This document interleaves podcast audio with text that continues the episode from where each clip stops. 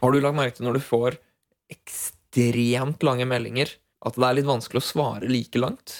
Jeg klarer nesten aldri å svare like langt. På sånn. Ja, i hvert fall hvis det er mange måte, temaer nedover som Ja. du må svare på. Ja. Men jeg hater også hvis du skriver til noen, og du stiller noen to spørsmål, du får bare svar på det ene. Ja, det liker ikke. Ja, ja nei, jeg syns det er bedre å svare Svare på svarer, svare, Bare ta et mellomrom, og så svarer man på andre spørsmål under. Samme meldinga. Ja, Det- Men det er, det er noen som ikke gjør det, som Ja. bare svarer på det ene.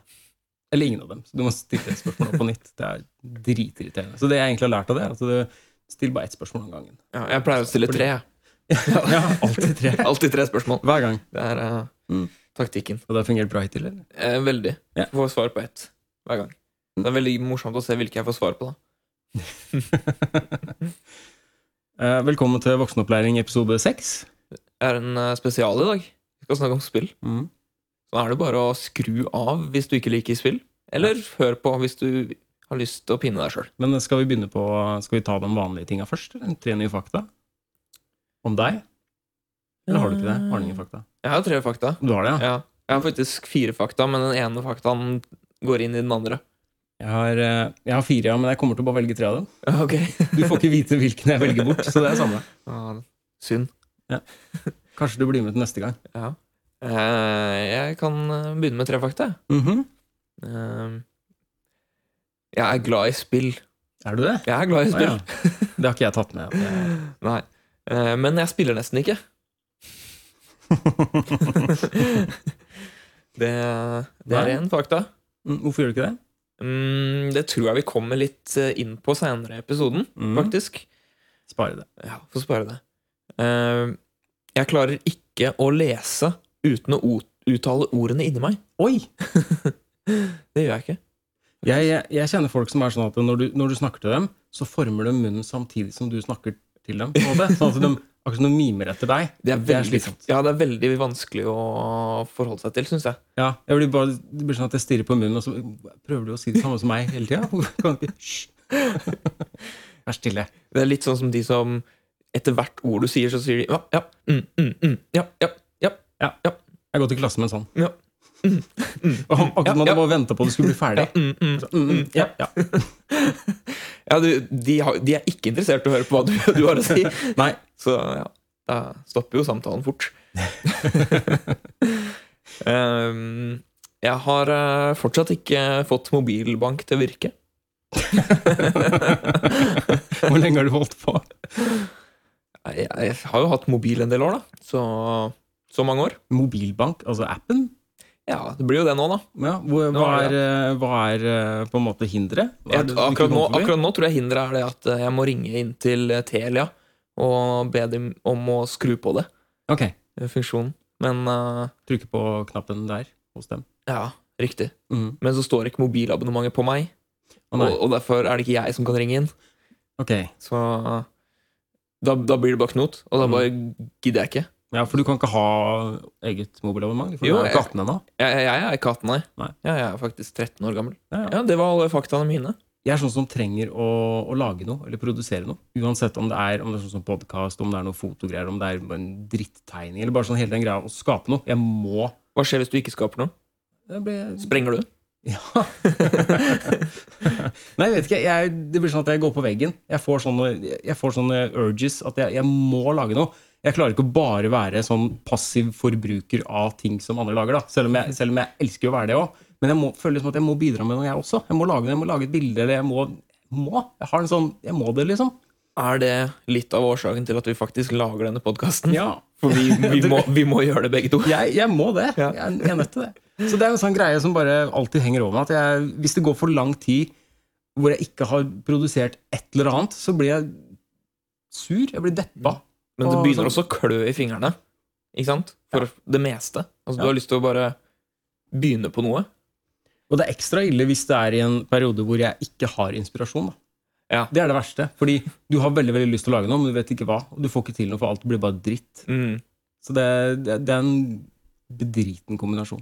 Det er veldig eh, frustrerende, syns jeg. Mm.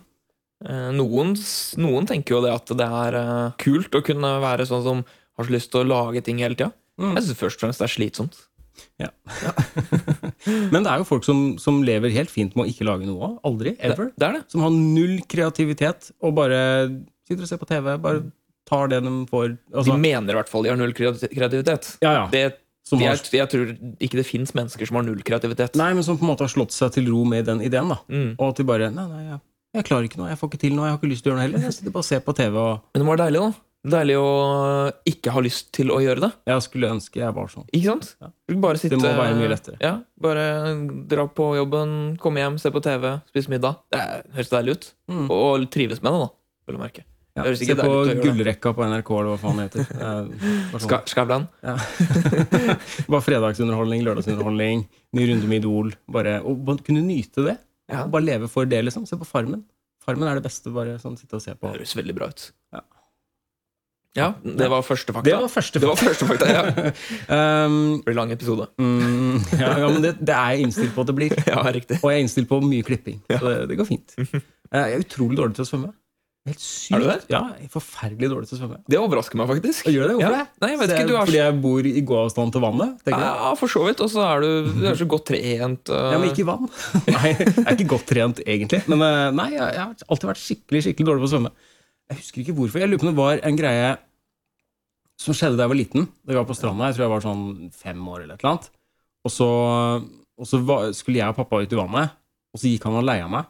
Og så tryna jeg i vannet. Så jeg liksom ble Jeg husker det sånn at jeg på en måte Jeg, jeg glapp hånda hans, og så ble jeg liksom sittende på bånn og bare Så du flyter ikke, med andre ord? Nei, Nei det, det er også et fakta. Det kunne jeg tatt med som en tredje fakta.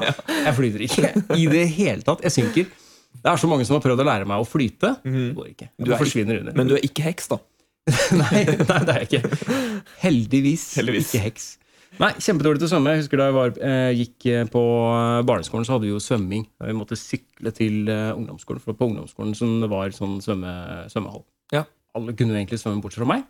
Og da husker jeg måtte ha sånn, litt sånn spesialsvømmeundervisning med en, eh, med en ganske tjukk, hårete fyr som var sånn med hestehale. Som hadde Han var bare sånn assistent, han var ikke lærer eller noe. Nei. Jeg tror han bare var sånn utplassert. Han fikk lov til å være med og hjelpe til på skolen. liksom. Det er der alle de gymlærerhistoriene dine kommer fra. Vet du hva, Det er jo meget mulig. Bare at Han var jo ikke engang gymlærer. Tror jeg. Han var bare en sånn Jeg tror han bare var en sånn, en sånn litt sliten fyr som fikk et sted å være på dagen. Han, han var ikke gymlærer, men han var gymlæreren din. Han var ikke kanskje den gymlæreren jeg fortjente, men var den jeg fikk.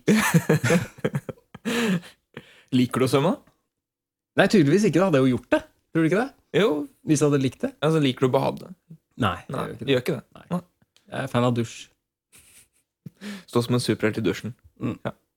Eh, tredje fakta. Jeg er alltid sånn Jeg stiller alltid spørsmålstegn ved ting. Hvorfor Jeg kan ikke godta Fordi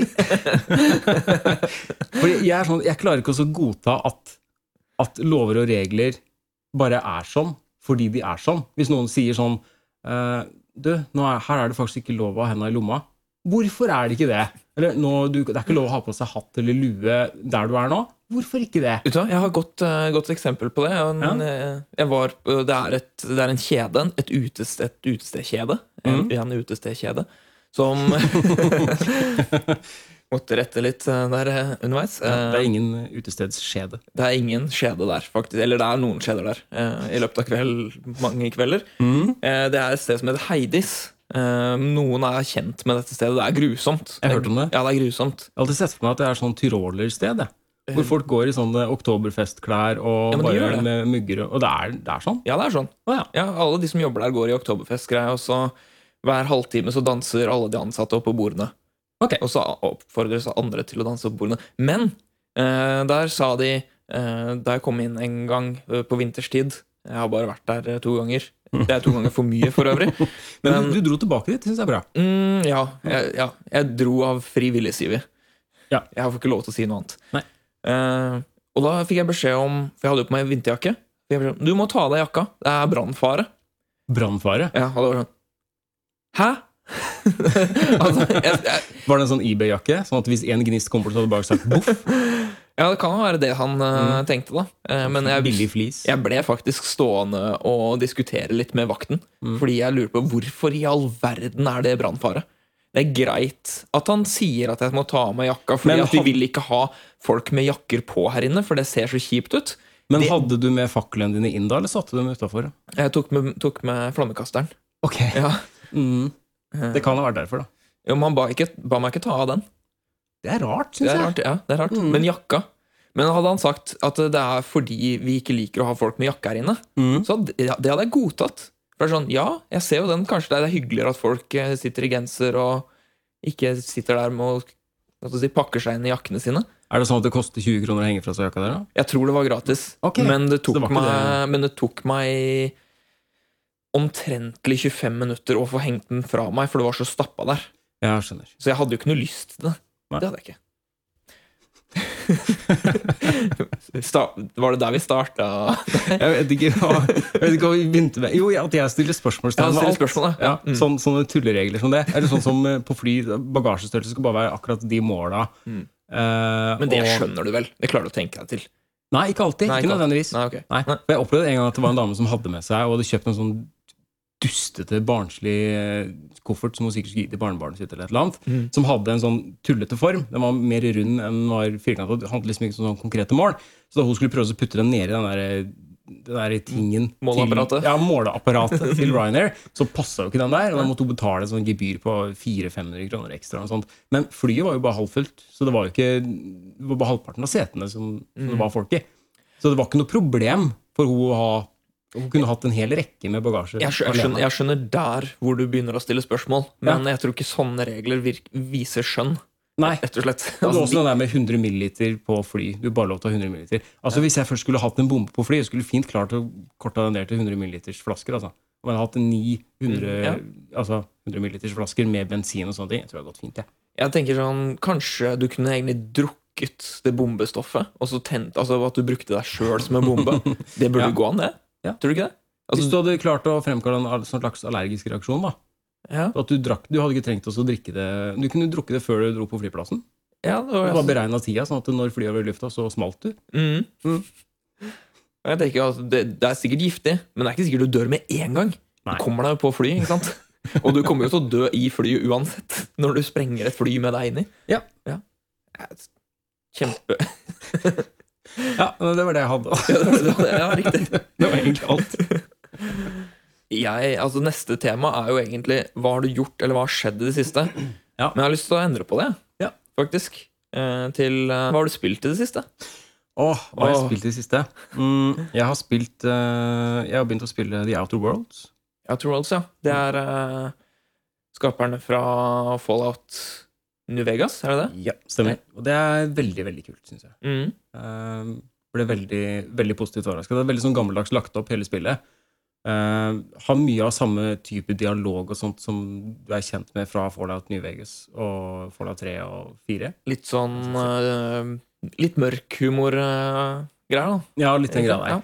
Animasjonen er ikke sånn helt på topp med liksom lipsync og sånne ting, men jeg syns ikke det gjør noe, for at jeg får såpass mye ut av gameplay uansett. Og grafikken er veldig sånn veldig Borderlands-inspirert, sånn sett. Ja. Og det er jo lagt til litt mer space, sånn at du er på forskjellige planeter og sånne ting. Det høres kult ut. Ja, jeg syns det er veldig kult. Er det dyrt nå? Jeg har ikke betalt ting for det, for det, det følger med hvis du har eh, Xbox uh, GamePass Ultimate. Ja. Så det er en av spillene som, som du får. Det har kommet til PC, har det ikke? det? Har vel kommet til PC. Ja. Ja. Kanskje et spill jeg ikke skal bruke penger på nå. Mulig. Men hvis du først skal bruke penger på et spill, så er det absolutt å anbefale. Jeg Ja. synes det er kjempekult. Det kunne vært på anbefalingen nå, da. Ukens spillanbefaling. Ja, det kan hende at jeg hadde det der, da. vet. Det kan hende at eh, du så endra du spalten, så mm. Ja. Jeg så forresten Terminator Dark Fate i går. Jeg bare, Du gjorde det, ja? ja, bare for å nevne det, at jeg har faktisk gjort det. Altså. Shit. Terningkast. Ja, Terningkast eh, Jeg tror jeg faktisk vil gi den eh, fem. Jeg synes, Oi. det- Ja. Jeg syns det er den beste filmen etter Terminator 2. Ja, Terminator-filmen. Såpass? Ja. Var vel litt var fin, eh, Terminator Genesis. Ja, terningkast Den har jeg aldri hørt om. Den, den er ikke med i timelinen lenger. Den er, kan du bare glemme den. Nei, men det er ikke, det er ikke en Terminator-film. Ikke nå lenger. For, spoiler, men eh, nei. Du, du kan se bort fra den når du ser Dark Fate. Så flott. Mm. Jeg prøvde å se Genesis igjen her om dagen. Det, klart, det klarte jeg ikke. Klarte du ikke? Nei, jeg kom meg ikke gjennom. Nei, men den er ganske dum, da. Den er ganske dum, Ja. Faktisk. Den er veldig dum. Men det er én ting Arnold Schwarzenegger sa i et intervju jeg så her om dagen. Var det Nei. eh, det, det gir veldig mening, da. For han, han sa at han alltid egentlig har identifisert seg mer som en komiker enn en actionhelt. En actionskuespiller. altså han, at han passer mye bedre til eh, komedieroller mm. enn actionroller. Og det gir jo veldig mening sånn for filmene, de Terminator-filmene. Mm. Fordi han er jo betraktelig morsommere enn det han trenger å være. Men han er faktisk ganske morsom i den siste nå også. Det er par, det er et par sånne humorinnslag der som bare, jeg synes det var jævlig morsomt. Jeg, tror- jeg tror faktisk det er det jeg liker. Altså jeg, Terminator 1 er jo min favoritt. Mm. Uh, og jeg tror kanskje det er det jeg liker med Terminator 1. At han er en maskin. Er det eneren hvor det er stop motion på de eh, Mm. robotene? Ja. Det er jo bare én scene på slutten, egentlig, som er Ja, hvor du ser den er skikkelig sånn ja. Det er faktisk kjempecreepy, syns jeg. mm. Eh, veldig kult. Det ser jo helt derpy ut, men det er jo det som gjør at det blir creepy. Mm. Så det, er- det er gøy. Mm. Dark Fate er en veldig sånn fin fortsettelse på toeren. Så Ja. Hvis du likte toeren, så er det bare, å- bare å se Dark Fate med en gang. Det er en direkte fortsettelse, egentlig. Jeg gleder meg. Jeg så jo halvparten av filmen på trailer eh, da jeg var på kino sist, så Ja. Da har jeg jo en halv film å glede meg til, da. Og så kan du, du kan også drite helt i Terminator 3 og 4. Åh, herlig. Ja, fir Fireren likte jeg faktisk litt. Rann. Ja, jeg også syns den er ålreit, men du kan se bort fra begge dem to. Ja. Du trenger ikke å forholde deg til den helt annet hele tatt. Du kan se eneren, toeren, og så ser du Dark Fate. Så. Ja, supert. Hva, hva har du spilt i det siste? Hva hva har jeg spilt i det siste, ja? Um, jeg har eh, tatt opp et spill som uh, Det begynner å bli noen år gammelt nå, men uh, jeg fikk så lyst til å spille det. Ja. Og det er Planet Coaster. Hmm. Har du spilt det? Mm, nei. Har du spilt noen av de, sånn Rollercoaster Tycoon eller et eller annet sånt? Mm, nei. Nei. Ja, jo, kanskje jeg spilte Rollercoaster Tycoon 2. Jeg har i hvert fall kjøpt det. Ja, Men eh, det er kanskje et av mange spill jeg har kjøpt som jeg aldri har spilt. ja. Jeg vet at jeg har toeren og treeren, tror jeg. Uh, Planet eh, Coaster er i hvert fall et, Du skal bygge din egen fornøyelsespark. Det er veldig mye Du har veldig mange muligheter. Ja, Fornøyelsespark, ja. Det handler jo ikke om bordbrikker i det hele tatt, som du har under øl. Nei, du skal ikke bygge bordbrikkeimperiet. Det er ikke sånne koster. Det Nei. Der har du jo egentlig et nytt spillkonsept der. Alene. Bordbrikkeimperiet. Kalle det Planet Coaster. Ja, men du kan bytte på det. Kalle det eh, på en måte Coaster Planet. Mm. Oh, nydelig. Det blir ikke noe søksmål der. Nei, nei, nei. Nei. ja, det har vært gøy. Det har vært veldig gøy. Du skal gjøre det. Ja, det blir det første spillet jeg utvikler. Ja, nei, det er vel egentlig uh, Egentlig uh, det jeg har, uh, har spilt i det siste. Mm. Det, men det er, mer, det er mer som har skjedd i det siste som er spillerelatert. da. Ja, det er det. Som vi kanskje bør nevne. Sånn som at eksempel GameStop er konkurs i Norge. Ja, det De har er skjedd. kanskje konkurs overalt. Nei, det, de trekker seg ut av Norge. Jeg Ja. tror det var det som var greia. De hadde ikke noe profitt i Norge. Jeg syns det er synd i den grad at det er veldig mange butikker som forsvinner. Om dagen. Ja, det er det. Jeg har ikke egentlig vært så veldig glad i GameStop. Jeg, likte det, jeg begynte å like det litt bedre når de begynte å selge mer merch enn spill. For å være helt ærlig. Det var jo samme som platekompaniet også gjorde. Ja. Men det gikk jo ikke jeg, det heller. Nei, jeg syns også det var bra. Jeg, jeg likte Mm. platekompaniet bedre etter de begynte å selge merch. Ja. Fordi hva skal man med en CD? Sant. Men samtidig, hva skal man med all plasten? Ja, men det er det, er det, det, er det jeg tenker med, med CD-ene. Hva skal man med den ekte? Det er bare å kjøpe en plastbit, liksom, som er verdifull i noen uker, og så stuer du det bort. Det er sånn jeg har begynt å tenke om uh, sånne collectors editions og sånne ting. Sånn collectors limited editions, hvor du får en eller annen sånn plastfigur som er produsert og malt i Kina Ja. av et eller annet barn. Og så koster den uh, edition 1399, da, bare fordi du får med den plastfiguren. Og så liksom kan du ha den på hylla. Hva, hva skal du med? Hvor ofte ser du på den? Hva skal du bruke den til? Jeg har jo én sånn special edition-ting som jeg har hatt mye glede av i mm. mange år, faktisk. Som jeg, ikke kjøp, jeg kjøpte jo ikke den special edition sjøl, faktisk. Jeg bare fikk den tingen av en kamerat. Ja. Og det er jo den uh, matboksen som står der borte. Det er en Fallout-matboks. Ja. Uh, som jeg brukte som uh, lunsjboks en liten stund. ja, men den har jo faktisk et bruksområde. Du Ja. kan faktisk bruke den til noe. Det er ikke bare en plastikkfigur som står der. liksom. Nei, så det er en dritkul oppbevaringsboks nå. Mm. Den digger jeg. Så, noen, den er veldig kul. så noen Collectors Edition, hvis du gjør det bra, så Mm. kan, funke det. Jeg tror den siste Collectors Edition jeg kjøpte, var eh, GTA 5. Ja. Svær eske. Jeg fikk med en artbook som jeg bladde i én gang. Det var den gangen jeg åpna esken. Mhm. Eh, så tror jeg det var sånn steelbook-cover til eh, spillet. Jeg har ikke titta så mye på det heller. Og så fikk jeg kanskje med et kart, og så fikk jeg med en caps. Jeg husker ikke hva det sto på engang, men jeg fikk med en caps. Og jeg bruker ikke caps. Hva skal jeg med den, da? Er ikke du en hyppig capsbruker? Jeg synes jeg så deg i caps forrige uke. Ja, det gjorde du. Jeg har helt andre grunner. Men uh, det var liksom Jeg tror etter, etter at jeg kjøpte den, så bare innså jeg at det er meningsløst. Hvorfor skal jeg betale liksom, 1000 kroner ekstra bare for å få med en caps? Da skal jeg bruke den til? Jeg bruker jo ikke caps engang. Nei, jeg bruker ikke caps. Nei. Ja, men hvorfor bruker du ikke caps? Nei, jeg vet ikke. Nei. Liker ikke. Er ikke bruker solbriller. Jeg bruker solbriller. Ja, nei, det var det. Ja, det var det.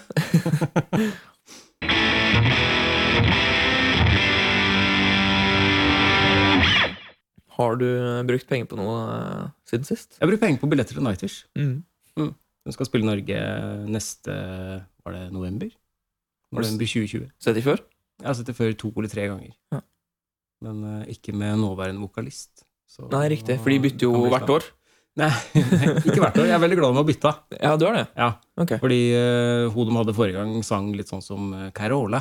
Og det passa ikke helt til den Nei. stilen, syns jeg, da. Kan jeg røpe at jeg ikke liker Nightwish? Ja, det er helt greit. Forventet du noe annet? Eh, nei, jeg vet ikke. Jeg hadde ikke noen formening om det. Det spiller stor rolle, egentlig. Nei, det, det er jo riktig. Det spiller Mm. ingen rolle. Men jeg liker å si det. Men hvis jeg kunne brukt penger på noe Mm. Men eh, det, det er noe jeg ikke kan bruke penger på nå. Men hvis jeg hadde kun, hatt mulighet, så ville jeg kjøpt Diablo 4, som ble annonsert eh, i går eller dagen før. eller et eller annet. Da- Kjøpt alle fire? Nei, kjøpt Diablo 4 nå. Diablo 4, ja. Ja. ja. Riktig. Hvis jeg kunne kjøpe Diablo 4 nå og spille det nå, så hadde jeg gjort det nå. Ja. Men det får jeg bare ha Det får bare være en gang i framtida. Du får kjøpe det til full pris eh, siden Collectors Edition med en så stor plastfigur. Ja. av Diablo. Med masse sånne, masse sånne rynker og detaljer og ting som blir så fullt av støv at eh, det blir bare en så stor sånn lodden, seig greie etter hvert. Ja, for de blir, de, Av en eller annen så blir det litt sånn fettete til Ja, det blir fettete og støvete. Ja, det er Kanskje fordi du har den stående på kjøkkenbenken når du lager mat. Men du har Ja. den med deg overalt. Jeg pleier å sette den i ovnen, jeg. ta, vare, ta vare på den i ovnen. Ja, da den blir fettete. Da blir den fettete. Og så smelter den innimellom. Hva har du kjøpt? Mm, jeg, jeg har egentlig ikke kjøpt så mye, men jeg kom på at jeg har kjøpt eh, i hvert fall ett spill. Eh, jeg har, jeg har egentlig kjøpt to spill, men jeg husker ikke hva det andre spillet var. men jeg husker jeg har kjøpt et spill som også begynner å bli et par år gamle, gammelt nå, tror jeg. Ja. Som heter Enter the Gungeon. Det har jeg på PlayStation 4, tror jeg. Ja. Eh, Det er sånn perfekt spill for meg. Mm. Jeg elsker sånne spill. da Men jeg har ikke egentlig spilt det ennå, fordi jeg har egentlig kjøpt det kun fordi jeg skal sitte og spille det når en kamerat er på besøk.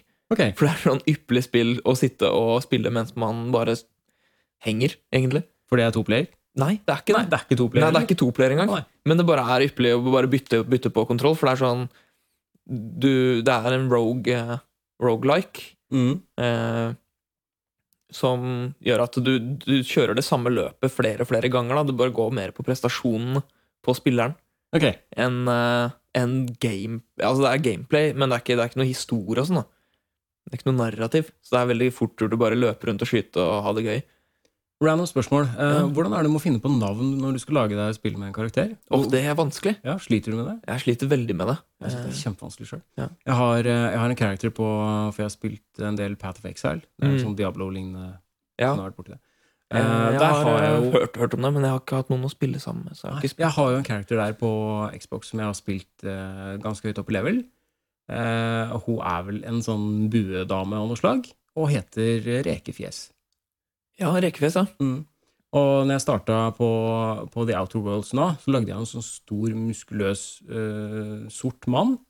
Som hadde litt sånn skjegg. Han så egentlig veldig kul ut. Jeg, Mm. Først så kjørte jeg bare masse sånn random Jeg trykka på random-knappen mange ganger, for det syntes jeg var vanskelig å lage en kul kombinasjon.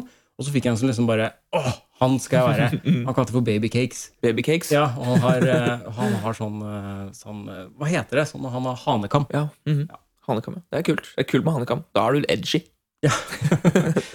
Så Babycakes og rekefjes. Jeg har ikke noe jeg har gitt opp å prøve å lage sånne kule fantasy-navn. Ja. Eh, jeg lagde ganske lik, eh, lik med, likt med rekefjes. Jeg kalte karakteren min for et år siden, eller halvannet år siden, for eh, lefsefjes. og det er stort sett det navnet jeg pleier å gi til karakterene mine nå. Ja. Jeg er så uoriginalt at jeg gir ikke nødvendigvis ny, nytt navn. da. Ja, jeg tror jeg hadde et Pokémon-spill hvor, eh, hvor jeg hadde en karakter som het Kuken. Ja. Mm. Bakukan, eller, bare eller Bare Kuken, rett og slett, med store bokstaver. Mm. Og så husker jeg spilte uh, Fine Fantasy 9. Det har jeg sikkert fortalt deg før. Det, for der en av karakterene er en seks år gammel jente, og det fant ikke jeg ut før langt, langt ut i spillet.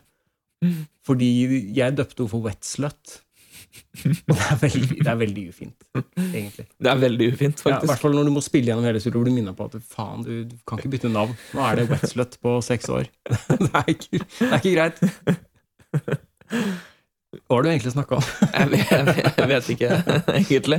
Eh, Jeg tror det var det vi hadde kjøpt. eh, Ja, det var det. Ja. Eh, hvordan ble du introdusert for dataspillet? Eller for spill generelt? Mm. Det var nok i stor grad av storebrødre. Mm -hmm. Sikkert spesifikt min min eldstebror, som hadde, hadde en veldig interesse for dataspill, og hadde mye, mye spill. Og de første liksom jeg spilte de første jeg spilte på, var vel Nesen. Mhm. Eh, altså Nintendo Entertainment System, for Mm. de av dere som ikke vet det. Eh, da var det Super Mario 3 og den varianten der og sånn. Du begynte ikke på én? Eh, jo, vi hadde en her nå, så jeg spilte nok det litt, men jeg syns jo Super Mario 3 var det kuleste. Mm. Men jeg, innen det tidspunktet jeg hadde nok motorikk i fingrene til å spille dataspill, altså spille Nintendo og sånn, Mm. så hadde jo Super Mario 3 kommet ut. Ja, ok. Ja. For det kom i 80, mm, Jeg har lyst til å si 89, men det kan også ha vært 90 eller 91. Ja, ikke sant? Uh, uansett, uansett om det var La oss si at det var 92, da. Da Mhm. tror jeg faktisk at Super Nintendo var kommet ut, egentlig, men uh, Hva var det den kom av? Ja, det var rundt der. Ja. Uh, da hadde jeg heller ikke motorikk nok til å spille. Nei. Nei, For da, i 92 var jeg fire år. Hadde du ikke motorikk til å spille da du var fire år? Nei, det Var tror du jeg ikke ikke. født med motorikk? på en måte? Jeg tror jeg prøvde meg sikkert, men eh, jeg spilte nok ikke så mye som fireåring.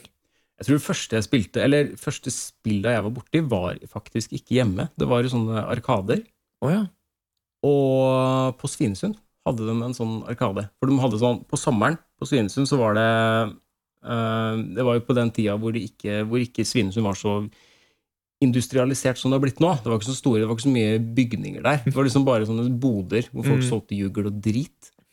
Og da hadde de et sånn kjempestort telt som kalte for Teltvarehuset. Teltvarehuset. Ja, som de rigga opp eh, på våren, og så tror jeg de tok ned på høsten. Og det var en sånn egen avdeling inni det kjempestore teltet, hvor de hadde masse arkademaskiner. Det var sånn Street Fighter, og det var Rampage, husker jeg. Ja. Og masse sånne bilspill. Det var da, Rampage var det sånn Neo Geo-spill? Eh, Ja, mulig. Det har kommet til flere formater. Ja. Men, eh, hvor du skal være den eh, apa og sånne ting. å klatre opp, Høres veldig gøy ut. klatre opp bygninger. Og, ja, men det var veldig spennende å være der og se på alle tingene. Så husker jeg det var eh, en del spill på, på sånne kafeer og sånn innimellom. Mm.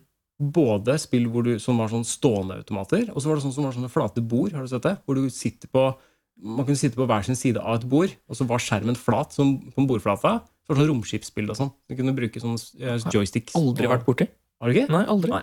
Jeg husker jeg var med Jeg var med mamma og mormor ut da jeg var sånn seks-sju år eller et eller annet. Vi skulle Mm. alltid ut spise sånn pølse og pommes frites på, på en sånn lokal veikro. Det er klart man skal det. Ja, og da var jeg alltid borte med sånn fem kroner og ti kroner sånn, så putta på. Så skulle spille det romskipsspillet. Det var veldig kult. Det var kjempeprimitivt. Det var nesten sånn Galaga, hvis du har vært borti det. Sånn kjempeprimitivt, helt enkelt romskipsspill. Hvor du bare skulle Det var sånn du fløy bare framover. Så kom det fiender imot, og så kunne du få noen upgrade underveis. og sånne ting. Ja. Sånn jeg har litt, eh, litt sånn eh, feilplassert nostalgi holdt jeg på å si, for, mm. for sånne arkadehaller. Jeg har jo nesten aldri vært på en arkadehall. Ja. Eh, Jeg tror jeg var det en gang jeg var på Mallorca som barn. Mm. Men jeg synes, jeg har alltid syntes det har vært så gøy og koselig. Det virker så artig med sånne arkadehaller. Mm.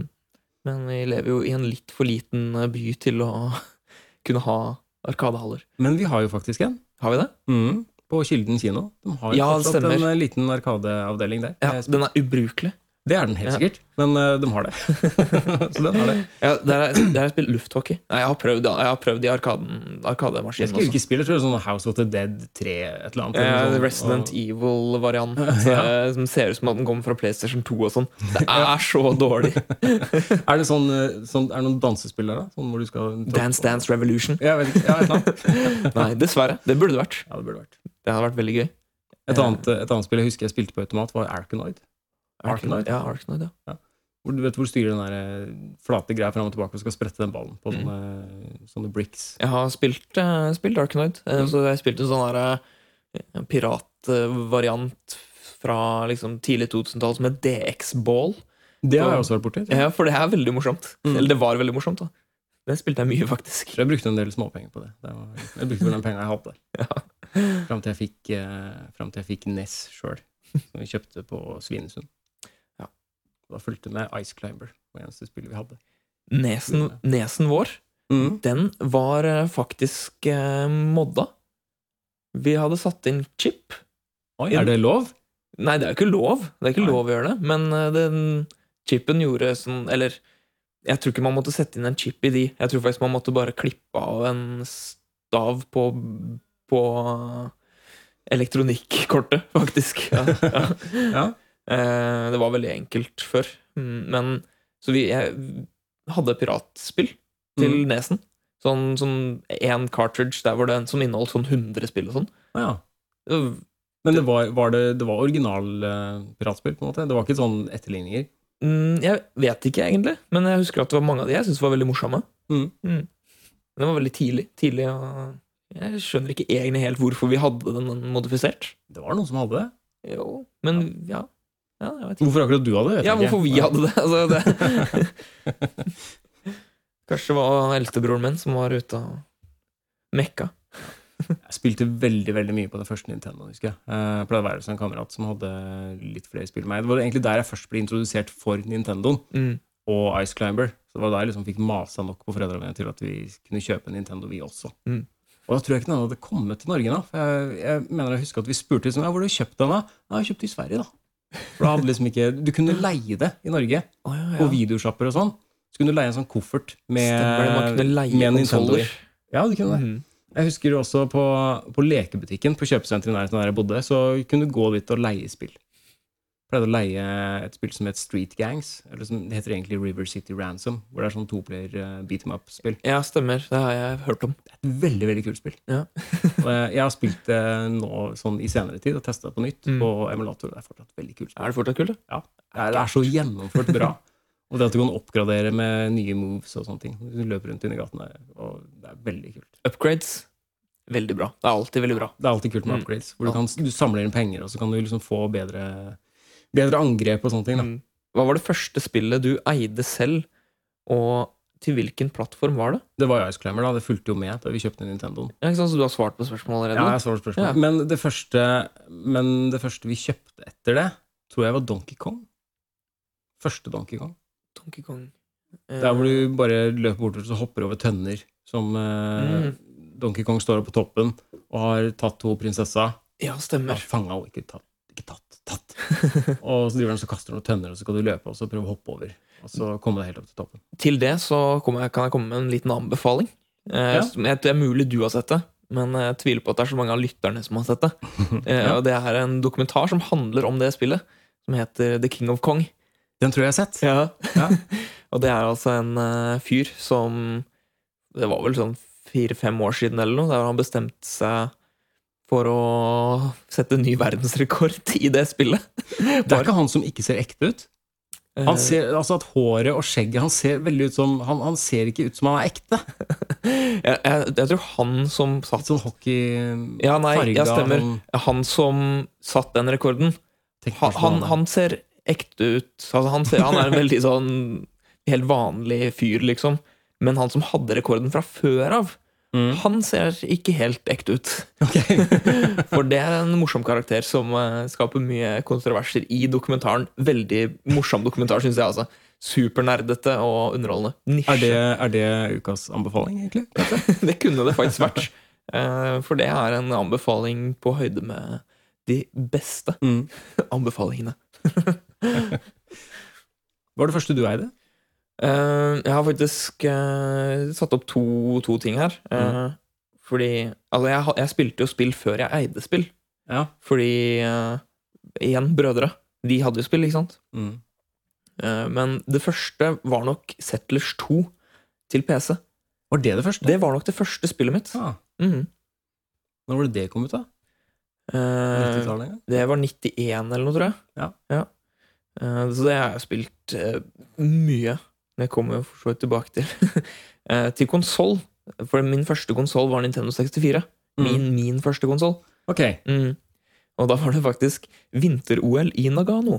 Oi. Det var mitt første, første konsollspill. Det var forferdelig dyre spill til 1964. Ja, det var på lekebutikken så kosta det sånn 798 og sånn for, eh, for nye spill. Er det verdt det? Ja. Det var det. Helt klart. Ja, det. Man spilte jo i stykker de spillene Ja. på den tida. Jeg ble også egentlig introdusert for eh, Jeg tror fetteren min hadde sånn Commodore 64. Eller Kommandore, som veldig mange kaller det. Kommandore, ja. Kommandore. Mm. Kommandore 64. Han hadde et sånn, sånn barnslig sånn vikingsportsspill hvor du skulle snurre rundt og hive en katt eller et eller annet. Jeg vet ikke. Jeg, det er, jeg var kanskje sånn fem år eller et eller annet, så jeg, det er det jeg husker. Det var sånn dritdårlig grafikk, hvor du skulle snurre rundt og så hive et eller annet. Prøve å kaste lengst mulig eller i riktig retning eller et eller annet. Var ikke veldig bra grafikk på Commandore. Nei. Du hadde Prince of Persia og sånn, da. Ja, sant. Men det var bedre på Amiga. Ja. Er det Jeg- ikke de samme som lagde? Jeg, trodde, jeg tror jeg blander de litt. Det er. Commodore som lagde både Amiga og, og Ja. 64. ja, ok. Så jeg blander de, jeg tror jeg, faktisk. Det kan hende. Ja, Commodore 64 har jo blitt, laget, eh, har blitt brukt til å lage veldig mye musikk de senere åra. Mm. Mm. Fortell om et av dine beste spilleminner fra 80-tallet og eller 90-tallet. Ja, jeg har så mye der, men eh, Ja. jeg vet ikke om jeg skal ta med halvparten. Nei, jeg har ikke skrevet så mye der, faktisk. Eh, Men, eh, og jeg har jo ingen spillminner fra 80-tallet. For Nei. som sagt, jeg var Du hadde ikke motorikken, du? Var det det? riktig Jeg var maksimalt to år. Mm. Eh, Jeg var Ja, jeg ble jo to år da På 90-tallet, sannsynligvis, da. Mm. Eh, Men ja. Du fikk på en måte ikke med deg helt den, den første Det gjorde egentlig ikke jeg heller, da. For at det starta jo før Nintendoen. Men eh, Er det lov, jeg har fått med mye av utviklinga fra 8-bits eh, videre. er det lov å si det at uh, 80-tallet, det var ikke så mye å samle på der med dataspill? Det er ikke lov å si. Det var jo gullalderen. Mm, ok. Ja, Mm. det er ikke lov å si, skjønner. Det var det. Når, etter at Nintendo kom, det var da, eksploderte det jo helt. Ja. Det tok helt av. Uh, jeg, har, eh, jeg har skrevet opp uh, tre spill, faktisk. Mm. Eh, jeg bare nevner de i fleng, jeg. i Fleng. Og det er eh, Settlers 2 og tre! ja. Treeren var mer sånn Det var mer avansert, husker jeg. Treeren var mer avansert. Ja, Ja, var det var 3D. litt mer 3D. For Settlers er det, er det spillet hvor du skal bygge en by, Mm, ja. og så slåss du mot naboland, Mm. eller noe? Og skal du skaffe deg ressurser og Ja, det, det satt, nok, satt nok veldig i grunnlaget for at jeg bare elsker sånne strategispill nå. Mm. Um, det andre spillet er et helt annet type spill. Det er Final Fantasy 8. Mm. Det er det første Final Fantasy-spillet jeg spilte. Uh, det var nok sent 90-tallet da, som jeg spilte det, Mm. men det syns jeg var helt magisk. Det Mm. spilte jeg i, i stykker, men jeg runda det aldri, da. Nei. jeg spilte det i stykker. Jeg runder veldig sjelden spill. egentlig. Mm. Eh, Et av de favorittspillene mine Jeg husker jeg fikk uh, første Zelda til den første Nintendoen. Ja.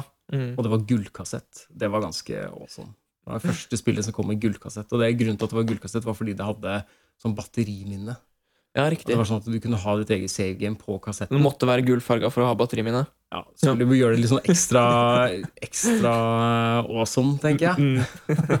Men den var så shiny, den kassetten, så den var liksom wow da du åpna esken og tok ut den svære greia der. Og den var så blank og gullfarga. Herregud. Bare funnet en egen skatt, liksom. Mm. Mm. Men det, det spillet brukte jeg masse tid på. Ja. Første, første Zelda-spillet. Det var veldig bra. Og Zelda-spillet i dag er jo fortsatt veldig bra. Men jeg, jeg glemmer ikke på en måte første, første Zelda-spillet, første gangen jeg ble introdusert for den. Det var egentlig det første den type adventure, sånn rollespill, som jeg spilte, da. Mm. Det var vel kanskje et av de første sånne typer rollespill som var tilgjengelig, på en måte. Som, var, Ja, I hvert fall sånn hjemmemarkedet. ja, sånn som gikk an å spille, liksom, for uh, hver mann. Mm. Det var ganske vanskelig, men jeg er også ganske sikker på at jeg runda det sånn etter hvert. Så det var batteri når det var batteriminne på det, så kunne du save på det, kanskje? da Ja, Ja. Du, hadde, du kunne ha tre C-game. Shit. Tror ikke jeg hadde noen Nintendo-spill jeg kunne save på. Nei? Så jeg måtte bare la konsollen stå på, jeg. En annen, ting som, en annen ting som var vanlig på, på spill, var at du fikk sånne koder når du var ferdig. Eller enten når du daua, Ja. eller når du var mellom hver level. eller et Når du skulle avslutte, så fikk du sånn lang, lang kode. Mm. det, var liksom, det var fire linjer med kode, to sånne linjer ved siden av hverandre, så var det to linjer under, med bare masse forskjellige bokstaver og tegn, som du måtte skrive ned. Og hvis du plotta inn akkurat det neste gang du skulle spille, så startet du akkurat der med akkurat det du hadde upgrade og sånne ting. Jeg husker at Metroid brukte det, og Kid Icarus, tror jeg, som er et av, et av mine absolutt favorittspill på Nintendo også. Eh, Det er fortsatt like kult i dag. Jeg runda det for faktisk bare et år siden. Eller et eller annet på nytt. Ja, Kjempekult.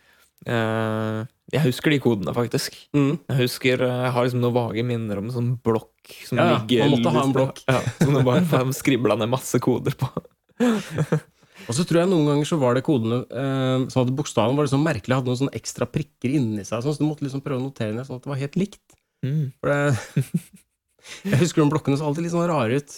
Det så ikke alltid ut som vanlige bokstaver. Men det var fordi at det, fonten de brukte i spillet, var ikke nødvendigvis den fonten du var vant til. Nei. Så da ble det gjerne litt sånn. Dine beste spillminner, du har kanskje nevnt noe av det? Mm.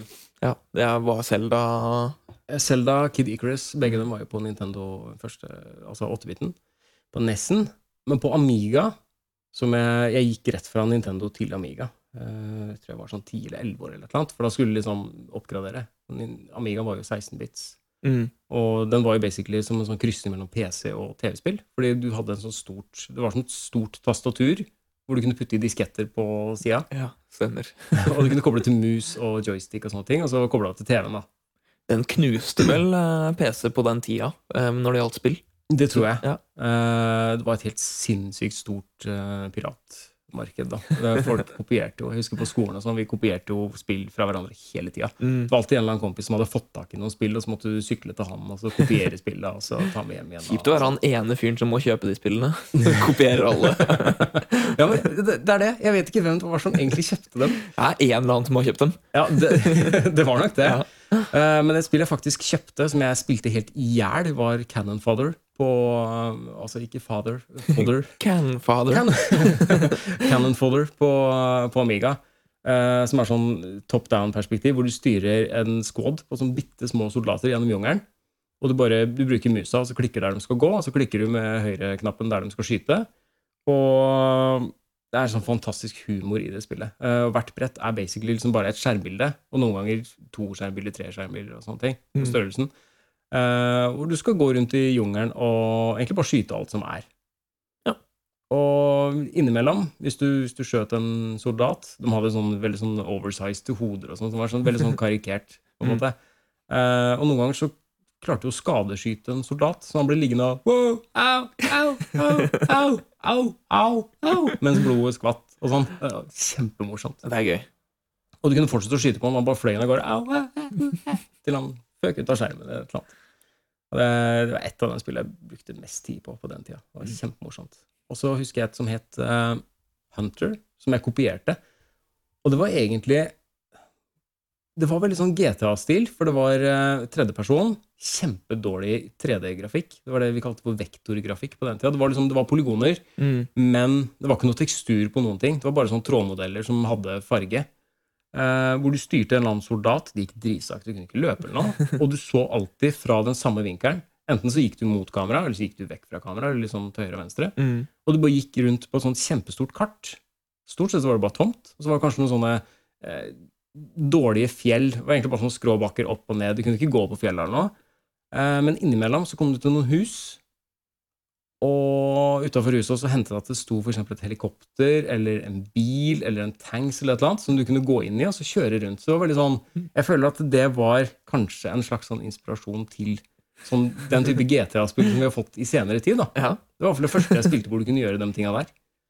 Og brukte masse tid på det. Jeg skjønte aldri noe av det. Vet ikke hva det gikk på, egentlig. Det er mange sånne, sånne gamle spill Mm. der jeg aldri skjønte hva jeg skulle gjøre, men jeg brukte mye tid og bare Ja. surra rundt på det. Spilte du noensinne Moonstone? Vet du hva? Jeg satt faktisk, notert, men jeg jeg, kom på det jeg satt faktisk og tenkte på Moonstone i, når du prata nå i stad. Mm. At Moonstone er et av mine beste minner fra 90-tallet. Husker du introen på Moonstone? Den var så skummel. Eh, jeg syns hele spillet var jævlig skummelt. Ja, men det er en, det er en sånn eh, En gjeng med sånn druids som kommer gående med Ja, fakler og greier. Mm. Og så går de til Jeg vet ikke om de går til Stonehenge eller noe sånn lignende sted, og så står de det er messer, og så, Jeg tror det er Stonehenge. ja. og så begynner det å tordne, og så ser lyden sånn Men det spillet var helt fantastisk. mm. Eh, det kunne jeg spilt i dag. Det hadde jeg på Amiga, og det, jeg husker det var, det var fire disketter. Mm. Og jeg husker ikke hva spillet egentlig gikk ut på, for du, du flytta rundt på et kart. Du flytta liksom ikoner som var soldatene dine, rundt på et kart. Mhm. Eh, Og du kunne flytte til der det var liksom fiender, og sånne ting, og så måtte du slåss. Og det var kjempeblodig. Ja. Og du kunne dø på helt groteske måter. At de kunne, de kunne bite av deg huet, noen av de monstrene. husker jeg, som kom, Mm. hopp, som var svær, Nesten som en slags varulv som hoppa inn på skjermen. Ja. Og så kunne du kappe av Hvis du slåss mot andre mennesker, så kunne du kappe av magen, sånn at de bare ble delt i to, Ja. og så bare spruta det blod. Og hvis eh, den andre datt ned på kne, så kunne du kappa huet hans. Ja, stemmer det. det skvatt blod, liksom. Mm. Kjempekult. Ja, det var dritmorsomt. Eh, og jeg syns faktisk det, det hadde et veldig innovativt eh, vanskelighetsgradssystem. Mm. Fordi hele spillet er sånn at det er fire soner på hele brettet. Mm. Eh, så du kan Og hver sone så har det er en forskjellig night som du kan velge å være fra starten av. Ja, jeg spilte alltid fire samtidig. Flytta fire ja, ja, riktig. Ja, du kunne gjøre det òg, det Ja, stemmer. det. det. Eh, men uh, hver av de Altså, de områdene var ikke like vanskelige. Nei, Så Noen det har du nok rett ja, noen var helt umulige, sånn som den sump sumpmonstergreia sånn. Det var dritskummelt. Det var det vanskeligste, tror jeg. Der var det ingen fiende med en gang, men plutselig kom det en opp av sumpen og bare dro deg ned. Ja. Og da, da, da, da, er det, ja, da er det game over, liksom. Ja, det klarte jeg ikke. Eh, så da hadde det ikke noe vanskelighetsgrad sånn, eh, men annet enn at du måtte velge Baserte det på hvilken night du valgte, da. Mm. Så skulle du slåss mot en drage på slutten. Det var Ja, sånn den du vant synes spillet. jeg kom, den kom flyvende over kartet. Den Ja, den kom flyvende over kartet, Og så plutselig så, så fløy den til der du var, og så ble du drept av dragen. Jeg klarte aldri å Ja, du klarte runde ikke å det. drepe. Nei, Nei, jeg klarte ikke å runde det. Jeg klarte ikke å Det spillet runda jeg veldig mange ganger, faktisk. Du gjorde det? Det gjorde jeg mange ganger. Det var en klikk med, det, med den piratkopien jeg hadde, da. Ja. Sånn at hvis du fikk tak i For du kunne få tak i en Moonstone. Men så fort du fikk den, så Mm. klikka spillet. Da hang det seg. Det bare, så det verste som kunne skje, var hvis du fant en Moonstone. Jeg husker ikke hvordan man fant den. Jeg, vet du hva, jeg husker faktisk ikke mm, Moonstone i spillet i det hele tatt. Nei, Det var en item du kunne få. Ja, riktig. Men eh, hvis du fikk den, i hvert fall i den kopien jeg hadde, så da krasja spillet. Og så bare begynne på nytt. Flott. Men det var et fantastisk spill. Ja, det dritbra. kunne tenkt meg å spille det igjen. Ja, ja, ja. Sånn litt, litt oppussa grafikk, litt HD-grafikk. For det var jo bare, det var jo bare sprites, og slåssinga Mm. var jo Du så jo det var jo 2D, du så det fra siden, og du hadde liksom bare Hva skal jeg si Street Fighter-perspektivet.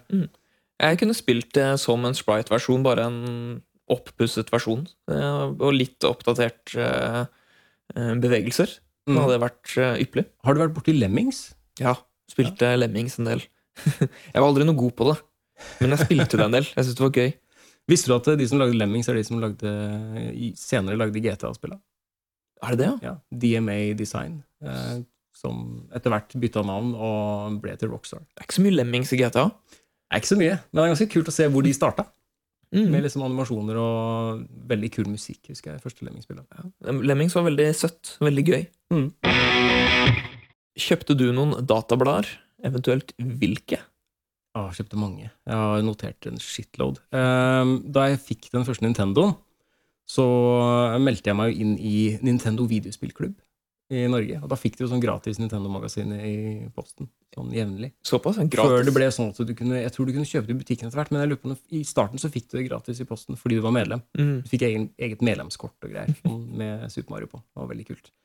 Eh, men jeg kjøpte eh, et blad, norsk eller svensk, jeg tror det var et nordisk blad som het Powerplayer. Og det var vel hovedsakelig Nintendo-ting, men jeg lurer på om de begynte å ta inn mer sånn PlayStation-ting og sånn etter hvert. Mm. At det starta som hovedsakelig Nintendo. Det var jo Nintendo som, var, eh, som eide markedet en stund. Ja, det gjorde det. Ja. Eh, men jeg kjøpte jo også, fordi jeg hadde, jeg hadde jo Amiga, så jeg kjøpte jo også Amiga Power, Amiga Format, var det et som het. Eh, og så Nintendo 64-blader. Eh, N64 Magazine, tror jeg det var noe som het. Og et som tok for seg alt mulig rart, som het Computer and Video Games. Så kjøpte jeg Games Master, og så kjøpte jeg noen PlayStation-blader.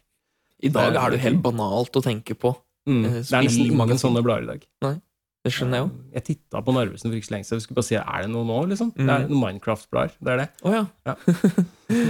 Det var ikke noe PlayStation og ikke noe Xbox og ingenting. Eh, Det eneste du kan få tak i noen steder, er et blad som heter Retro Gamer, som tar for seg bare sånne gamle, gamle ting. Jeg har Mm. egentlig litt lyst til å abonnere på det, men jeg får aldri rota meg til å gjøre det. Det er sikkert masse kult å lese der. Eller ikke. Eller ikke. Eller ikke.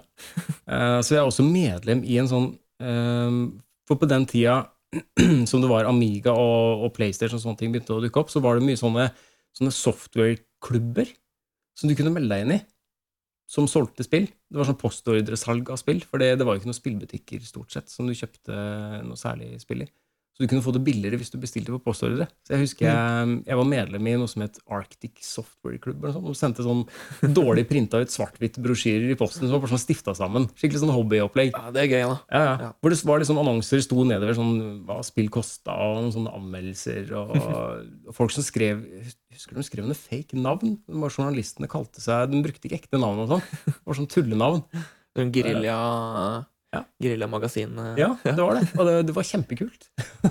Jeg har ingen av dem nå, for jeg kasta alt Ja. før jeg, før jeg flytta fra Vestfold. Så det, det er synd. Jeg Akkurat, akkurat de hadde jo vært litt eh, gøy å i hvert fall hatt et par kopier av. Ja, Mm. eller, eller Databladet. Det var, det var et norsk blad som bare het Databladet. Jeg Mhm. husker de hadde en sånn kjempekritisk artikkel om Doom da det kom ut. Ja. For det var jo så ultravoldelig, og tok for seg liksom hvor, hvor skadelig det kunne være. og, og sånne ting. Det er Jeg kjempekult å lese Spilte igjen. mye Doom. Ja. Så jeg har jo blitt en psykopat. som Ja, helt klart. Ja. helt klart. Men det var Doom 1, da. Du ble ikke sånn av Doom 2? Eller? Uh, jeg, har spilt, jeg har spilt Doom 1, men jeg tror jeg har spilt mest Doom 2. Mm. Mm. Og det, det var, De var helt like, var det ikke det? egentlig? Bare forskjellige brett og sånn. Eh, Kjøpte du noen blader? Uh, kort svar nei. Nei. egentlig ikke. uh, men det var jo alltid sånn eh, Jeg tror det het eh, PC Magazine eller noe sånt. PC Mag. Mm. Som lå og fløyt eh, hjemme. Men det var ikke så Det var ikke så mye spill Det var ikke nødvendigvis så spillrelatert, det magasinet. Men det kom alltid mer som en demo-CD Mm. i det bladet. Og de demo-CD-ene de eh, har jeg spilt mye av. På eh, Amiga så fulgte du med, eller på Amiga-bladene så fulgte du med disketter ofte. Mm. Gjerne to disketter med forskjellige demoer og sånne ting på. Mm. Og det var innimellom også det fulgte med hele spill, tror jeg. Eller sånne shareware-versjoner som var populært den gangen. At du fikk, du fikk en del av spillet, men hvis du ville ha mer, ville du hadde runda den delen, sånn som Doom kommer vel som shareware først, tror jeg. Ja. At uh, hvis du spilte gjennom på en måte første episode, så kom du til en sånn eh, end credit-skjerm hvor det sto liksom at da måtte du ringe det nummeret eller sende brevet ditt for å, å betale for å få resten av spillet. utrolig gøy. Ja, det er kjempegøy. Mm. Uh, og jeg husker på Nintendo også, eh, ikke på Nintendo, men på Amiga så fikk jeg jo med uh, en gang et program som het Shoot 'em Up Construction Kit. Det var kjempegøy. Hvor du kunne lage dine egne spill. Mm. Og jeg har brukt altfor mye tid på det. Jeg lagde helt bisarre spill. Og det var spesielt på den tida hvor uh, Amigaen min var ødelagt, så det gikk ikke an å lagre ting. Så jeg satt en hel dag og lagde design av sprites og eksplosjoner og ting, og lagde liksom he hele spill, skytespill, Mm. som, jeg, som jeg visste at dagen etterpå, eller hvor lenge en gadd å ha Amigaen på, da. Det forsvant jo når jeg skrudde av igjen. Jeg fikk ikke lagre det. Kommer litt, kom litt tilbake til uh, den faktaen om deg sjøl. Du Ja. må bare lage Jeg må bare lage ting. Ja. Selv, om, selv om det forsvinner etterpå. Mm. Men det er bare den derre skapergreia. Skape for å skape, egentlig. Helt klart. Forskjeller på å spille før sammenlignet med nå. Har du noe formening? Ja, jeg syns spill har blitt veldig mye lettere nå. De har det. Mm. Før også så var det sånn at du kunne ikke save. Nå kan du jo save nesten I mange spill så kan du save når du vil. Mm. Absolutt hele tida. Jeg gjør jo det. Jeg er Ja. flittig når det gjelder å save. manisk saver. Ja, sånn som eh, i for eksempel Skyrim, da. Hvis jeg Mm. skal gå inn i en eller annen dungeon der. Det hender at jeg saver mellom hver eneste fiende jeg dreper. Det har skjedd. Fallout òg. Du, du taper veldig mye gameplay av å spille på den måten, syns jeg. Jeg syns ikke det. Fordi jeg hater å gjøre ting om igjen. Så hvis jeg dreper én, og så går og skal drepe en til, og så dreper han meg, eller Mm. fucker opp på en eller annen måte, så må jeg drepe begge to på nytt, da føler jeg at da taper jeg tid. For jeg, jeg spiller jo litt sånn, jeg også, Ja. men jeg føler at det trekker veldig fra spillopplevelsen. Syns du det? Ja, det gjør faktisk det. Mm, nei, jeg, jeg syns ikke det. Nei. jeg hater å gjøre ting om igjen. Så liksom, kan jeg save, så saver jeg. Uansett hvor ofte det er. Så i sånn som Fallout og Skyrim sånn, jeg har mange hundre saves. Ja, altså Save game nummer sånn 407 og sånn. Det, er- det er så ofte saver jeg, altså. Ja, det er ganske helt, sykt. Helt sykt. Men før i tida så kunne du jo ikke save. Da hadde du enten passord eller ingenting. Mm. Sånn som på spill Sånn som på spill sånn som eh, Ghosts and Goblins på, på vanlig Nintendoen. Hvor det er helt forferdelig vanskelig. Det er grusomt vanskelig. Du spiller en ridder som skal bare løpe gjennom et eller annet sånn forferdelig landskap og bli angrepet av zombier og goblins og drit. Det er jo for øvrig et spill som er kjent for å være Uh, urettferdig vanskelig. Ja. Jeg lurer på om du kanskje hadde eh, to muligheter til å ta continue etter at du hadde dødd, eller noe sånt. Mm. Men uh, altså, du løper rundt med rustning. Blir du truffet én gang, så mister du rustningen og løper rundt i trusa. Mm. Blir du truffet en gang til, så er du der. Ja. Ferdig. Og det er så sykt vanskelig. Og jeg ble så sinna av det spillet. Jeg kjøpte, eller jeg fikk det sikkert da jeg var liten. Jeg, jeg, var, jeg var så frustrert av det spillet. Men i det spillet så tror jeg det er en sånn uh, tilfeldig nummergenerator. En random generator. Det kan godt hende. Som uh, gjør at det nesten er umulig å få til å spille, fordi det bare dukker opp helt tilfeldig. Mm. Uh, som gjør at du dør, eller at spillet endrer seg og sånn. Og det, da er det jo ikke noe gøy. Det er ikke noe, for da er det spillmekanikken som bare er feil. Det går ikke på dine ferdigheter, det går bare på at spillet er urettferdig. Mm. Ikke noe gøy. En annen stor forskjell også er at eh, hvis du sto fast i et spill før, eh, sånn som eh, jeg husker i Metroid på Nintendoen, så er det det er noen partier der som er helt forferdelig vanskelig å komme forbi. Mm. For det blir sånn labyrintopplegg. Det var også en greie på det første Zelda-spillet. For å komme deg gjennom en skog eller noe, så måtte du gå opp på det ene skjermbildet, og så til venstre, og så ned, og så til venstre igjen. Eller. Du måtte gå en sånn kombinasjon da, Ja, for å klare å komme deg videre til neste skjermbilde. Litt som skogtempelet på Ja. Ocarina of Time. Ja, litt, litt den greia der. Og Mm. hvis du ikke visste det da ja, Du hadde, kunne ikke søke på nettet, for da var det ikke internett. Så det du måtte gjøre da, du måtte skrive inn til Nintendo-magasinet og håpe på at de svarte deg, og vente i noen måneder da, på at det neste nummer kom ut. Og liksom, «Å, har de svart på det jeg spurte om? Men det blir jo sånn at når det var så komplisert og vanskelig å få det til, når Mhm. du da fikk Hvis du da skrev inn og fikk svar og sånn, Ja. utrolig tilfredsstillende når du først får det til, da.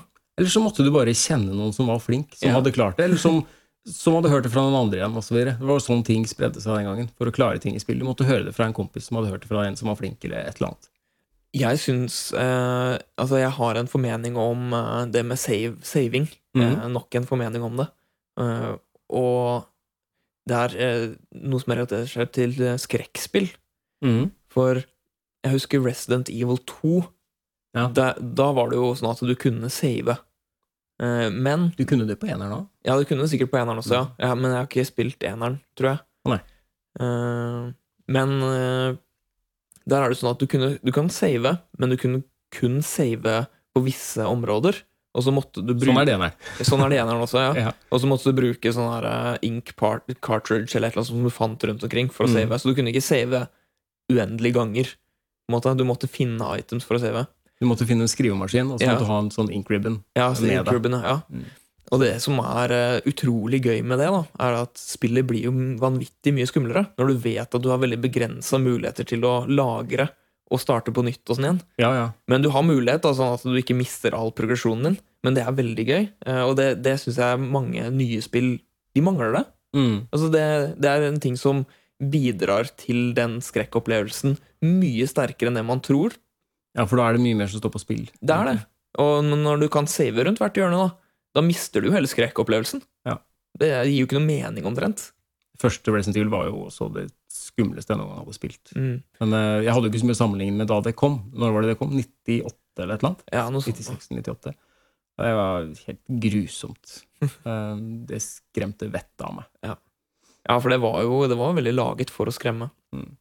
Selv om det er kjempedårlige animasjoner når du ser på det i dag. Så eh, jeg husker det var Du kommer til et parti der hvor det plutselig kommer en cutscene som filmer uh, at et monster kommer løpende mot deg gjennom eh, en korridor eller et eller annet hvor du akkurat har vært. Mm.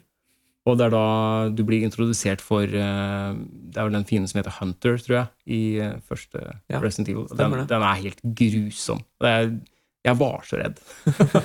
helt forferdelig. Jeg synes egentlig vi har, det, er, det er en del forskjeller på å spille før og spille nå. Mm. Jeg- det var mye vanskeligere før. Det var mye vanskeligere før. Men jeg, jeg har en annen greie der, faktisk. Og det er eh, sånn Før så Da jeg gikk på barneskolen og sånn, Mm. så sto jeg jo gjerne opp før skolen og satte meg ned og spilte dataspill. Mm. Eh, Da sto jeg opp sånn i sekstida liksom, for å kunne få trøkka inn en time med dataspilling før jeg måtte spise frokost og resten av familien sto opp. Ja. Det var sånn vanvittig glede. Jeg kunne sitte og spille eh, Altså ikke når jeg sto opp så tidlig før skolen, da, men sånn ellers kunne jeg jo sitte og spille i åtte timer uten å blunke omtrent. Mm. Nå ikke, det er ikke den samme gleden, altså. Nei, men det er også en annen faktor eh, sånn i forbindelse med det å spille før sammenligna med nå. Mm. Som jeg tenker på, Det har jo også med det å kjøpe spill før sammenligna med nå. For at Før så hadde du ikke samme tilgang For det første så hadde du ikke samme tilgang på det antallet spill som du har i dag. For nå er markedet så metta, du kan finne spill hvor som helst. liksom Mm. Og det er så sykt mange titler å velge mellom. Hvor mange spill har du? Men jeg, har over 300 titler på Steam. Eller noe. Jeg, vet jeg er sikkert mer enn det òg. Jeg har ikke orka å telle. Det er jo helt latterlig. Ja, det er, helt, helt vanvittig. Mm. Eh, jeg, tror jeg, hadde, jeg tror jeg hadde 21 spill til den første Nintendoen min. Ja. det, men, du eh, visste godt hvilket hvert eneste spill var. Du visste hver Ja, ja. eneste krok og krik av det spillet. fordi at før, når du skulle kjøpe spill, så det eneste du hadde å forholde deg til da, det var ikke noen reviews da. Det var før det kom reviews, så det eneste du hadde å forholde deg til, var liksom Sånn ser det coveret ut. Ja. Og så var det noen screen, baksiden. screenshots på baksiden. Ja, et par screenshots på Mm. baksiden, og det er det eneste du hadde å forholde deg til. Og hvis du da hadde kjøpt det spillet, da, betalt 400 kroner for det, eller fått det i gave, eller et eller annet, så følte du at du måtte spille da. Du Ja, ja. måtte jo virkelig gi det en sjanse, fordi Ja, det klart, det, var det nye spillet du hadde, det. Ja, Da det, er måtte det, du du, det, spille er, det er det du sitter og spiller. Ja, og hvis det er vanskelig, så ja, da er det vanskelig, da. Da får du bare grine, da. For det er, du kan ikke søke på nettet og finne ut hvordan du kommer forbi den bossen, eller Nei. finne veien ut av den labyrinten. Du må enten kjenne noen, eller bare bli flink. Get good. Get good. Så det er også en stor forskjell, for jeg føler at uh, spillutvalget var så lite den gangen at eh, kom det et nytt spill, ja, så kjøpte du det spillet og måtte spille det, da. Mm. I dag så er det sånn å ja, det spillet er for vanskelig, jeg spiller et annet, jeg. Det er en milliard andre spill å velge mellom. Det, jeg hadde, til PC så hadde jeg Command Conquer 1. Da kom det jo en sånn store bokser og alt sånn. Og da var Ja. det, så, det var kult eh, bilde på coveret. Og så, og, og ja, så var det sånn Det var noen screenshots på baksida. Mm. Men en ting som, var veldig, som jeg sleit veldig med, var det at det var et bilde på baksida der med en unit som ikke eksisterte i spillet. Og jeg det, tror jeg også hadde første Command and Conquer i sånn eske. ja, og det frustrerte meg grenseløst. Jeg tror det var, sånn, jeg tror det var et dobbelthelikopter eller noe sånt. Eller, sånn, eller helikopter med to eh, rotorblader. Er ikke det med? Det er ikke med. Ikke det sånn transport Nei, Nei, det er Nei, det er ikke med. Jeg, jeg husker jeg prøvde så Jeg prøvde å finne alle mulige måter, men det er tydelig at de bare har tatt et bilde under development eller et eller annet sånt. da. Sikkert fra en beta-versjon, eller noe sånt, Ja. og så har det bare kommet ned i fullversjon. Ja, det var frustrerende, altså. Meget frustrerende. Det var veldig fine sånne spilleesker den gangen. Når du fikk eh, det var sånn ordentlig manual som fulgte med. og sånn. Det var veldig mye kul sånn concept art og sånne ting. Spesielt sånn som eh, Husker første Diablo var veldig bra på det. Mm. Hele første, altså Manualen til første Diablo den har jeg fortsatt hjemme, tror jeg. Ja. Jeg har tatt vare på, for det er, så, det er så mye kul artwork. Blizzard var så flinke på det. Og Mm. det spillet kom i nå var det 95 eller 96 eller noe, tror jeg. Første Diablo. Det er så forseggjort, altså. Jeg husker også uh, Heroes 3 hadde jeg også en sånn boks. Mm. Og der var det også en sånn skikkelig feit manual da, med, med, alle tegn, med tegninger av alle unitsa i spillet, og forklaringer på be be begreper som ble brukt i spillet. og sånn. For der Mhm. var det sånn eh, Når du så en fiende, så kunne den ha liksom few enemies, eller horde, eller throng. Og jeg ante jo ikke hva noen av disse ordene betød. Men de er jo definert, da, ikke sant? Og, og det sto i manualen hva en throng er. Det er jo sånn ja, over 4000 units eller noe sånt. Da Da er det en throng. Husker du advarslene som fulgte med før på spill? Det kan godt hende at de gjør det fortsatt. Men nå er det ofte sånn eh, epilepsi warning og sånt. Mm. Ja. Eh, med den første Nintendoen, både i manualen til den første Nintendo, bruksanvisninga der, og eh, sikkert i manualene til hvert eneste spill du kjøpte, så sto det sånn at eh, ja, om du har spelat i mer enn en time, så burde du vente 15 minutter innan du spiller mer. For det sto gjerne sånn på svensk. ikke sant? Og jeg husker da Morten var på besøk hos meg, og vi satt og spilte Nintendo. Jeg fulgte de reglene der til punkt og prikke. Hvis vi hadde spilt i en time, så var det sånn Vet du hva, nå må vi slå av. Så jeg bare Jeg skrudde av med knappen. Uansett hvor langt vi hadde kommet i spillet. Så bare nå, må vi, nå må vi faktisk eh, vente. Nå må vi hvile. Nå må maskinen hvile, og vi kan ikke spille med, fordi nå er det farlig. å fortsette. Så var det liksom bare Han ble så forbanna på meg. For det liksom «Å, vil komme så langt. Nei, nå må vi skru av. Det er vel faktisk den eneste årsaken til at du ikke har firkanta øyne? er det ikke det? Jo, det er det. For man fikk firkanta øyne hvis man spilte mer enn en time uten å, uten å ta et kvarters eller fem minutters pause mm. mellom det. Det stemmer. Det var jo ikke snakk om bare reise opp og gå vekk i fem minutter. Nei, nei, nei. Måtte skru av. Den skulle helst ikke være på i mer enn en time om gangen. Men Var det først og fremst fordi du var redd for konsollen, tror du? Eller var det fordi du Nei, jeg vet ikke. Jeg var veldig sånn eh, Står det i reglene, så er det reglene. Det, det er en grunn til at det står i bruksanvisning at du ikke skal spille mer enn en time. Du hadde ikke begynt å stille spørsmål ved regler på det tidspunktet? Nei, det skjedde etter hvert. Det var noe som kom med åra. Så du kan tenke deg det var frustrerende å være hos meg og spille. For det er liksom, etter en time Nå må vi skru av litt. Men Vi kan skru på igjen og begynne på nytt. Det går helt fint. Ja, Du har altså endra deg ganske mye. da Fordi Ja, det har jeg. Før så likte du å gjøre ting på nytt, tydeligvis da, hver time. Jeg, jeg er ikke sikkert jeg likte det, men jeg måtte det, for det sto i reglene. Ja, ja. Kanskje det er der hatet kommer fra, at man må, gjøre ting på nytt. da Ja. Du har gjort det nok, liksom. I Det kan hende. Ja. Hele barndommen din spilte bare en time av spillet. Og så, ja. Ja, ferdig. Ja. Det er derfor du aldri fikk runda noe spill heller. selvfølgelig Jeg husker jeg kjøpte uh, Chippendale Rescue Rangers på den første Nintendoen. Og jeg spilte det, og det var så lett. Sikkert fordi at det, det var bare et veldig enkelt barnespill. Og jeg spilte gjennom hver jævla level til jeg kom til siste bossen, som var den der sure katten på slutten. Og min reaksjon da når jeg liksom skjønte at det her er jo siste bossen, jeg skrudde av. det var ikke noe continue eller noen ting. For da var det liksom Og argumentet mitt da for meg sjøl, da jeg satt og spilte alene, var at jeg vil ikke bruke opp spillet med en gang. Nei. Så jeg måtte begynne på nytt igjen neste gang. Ja, for, det er ikke, Helt idiotisk. for du kunne selvfølgelig ikke runda det, og så begynt på nytt. Nei. Nei. Det var liksom bare, jeg, jeg blir livredd for at jeg er ferdig med det allerede. Nei, nå skrur vi av. Herlig. Ja.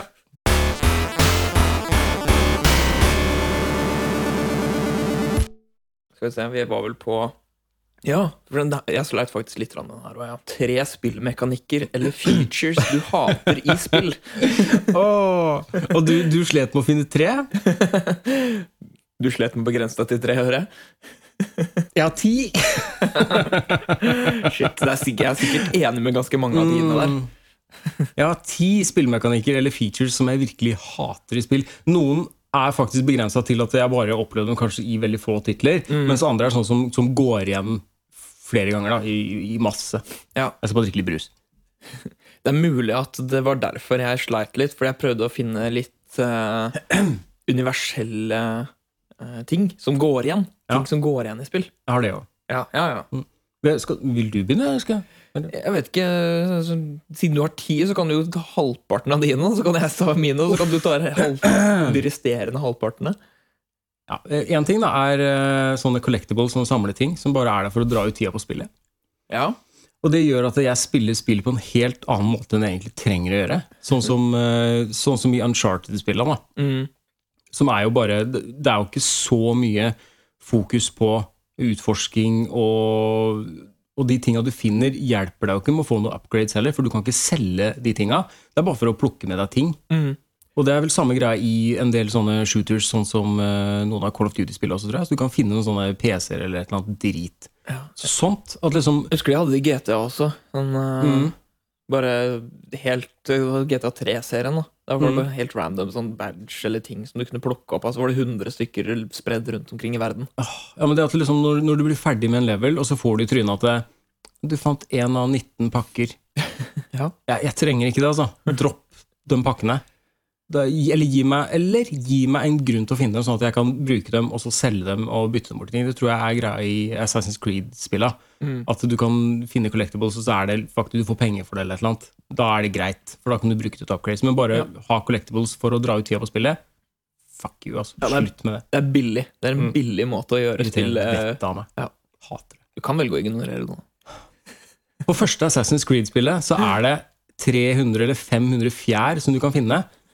Mange, mange fant du? Jeg fant ganske mange. Og så bestemte jeg meg for å følge en guide på nettet hvor det var bilde av location, og den viste på kartet hvor hver enkelt fjær var. Mm. Og jeg starta på nummer én og gikk til nummer jeg vet da, faen jeg, 300 eller 500 eller hva det var. Og så var det bugged, så det var den ene som ikke dukka opp. Så jeg endte opp med alt bortsett fra den ene. Da holdt jeg på å bli sinnssyk. Eh, så har du spill sånn som Crackdown. Har du spilt Crackdown? Jeg har spilt Crackdown, Ja. og det var ikke jeg som gjorde det, men jeg Eller jeg spilte nok litt av det, Mm. og, og vi gikk igjennom en sånn guide. Ja. Der alle- er det noen sånne orbs som du kan finne. Sånne collectibles. Problemet er at når du har funnet så mange at du mangler bare to Hvis du skal gå gjennom den guiden da, så må du gå gjennom hele jævla rekka. Yes. For du husker jo ikke hvor du har funnet dem. Og jeg husker på, på det spillet så lagde også de orbsa en eller annen lyd, sånn plystrelyd. Mm, ja. Ja. Når du var i nærheten, eller Ja. Ja. Problemet er at når du har gått og leta nesten 300 sånne orbs, så begynner du å høre den lyden selv om den lyden ikke er der.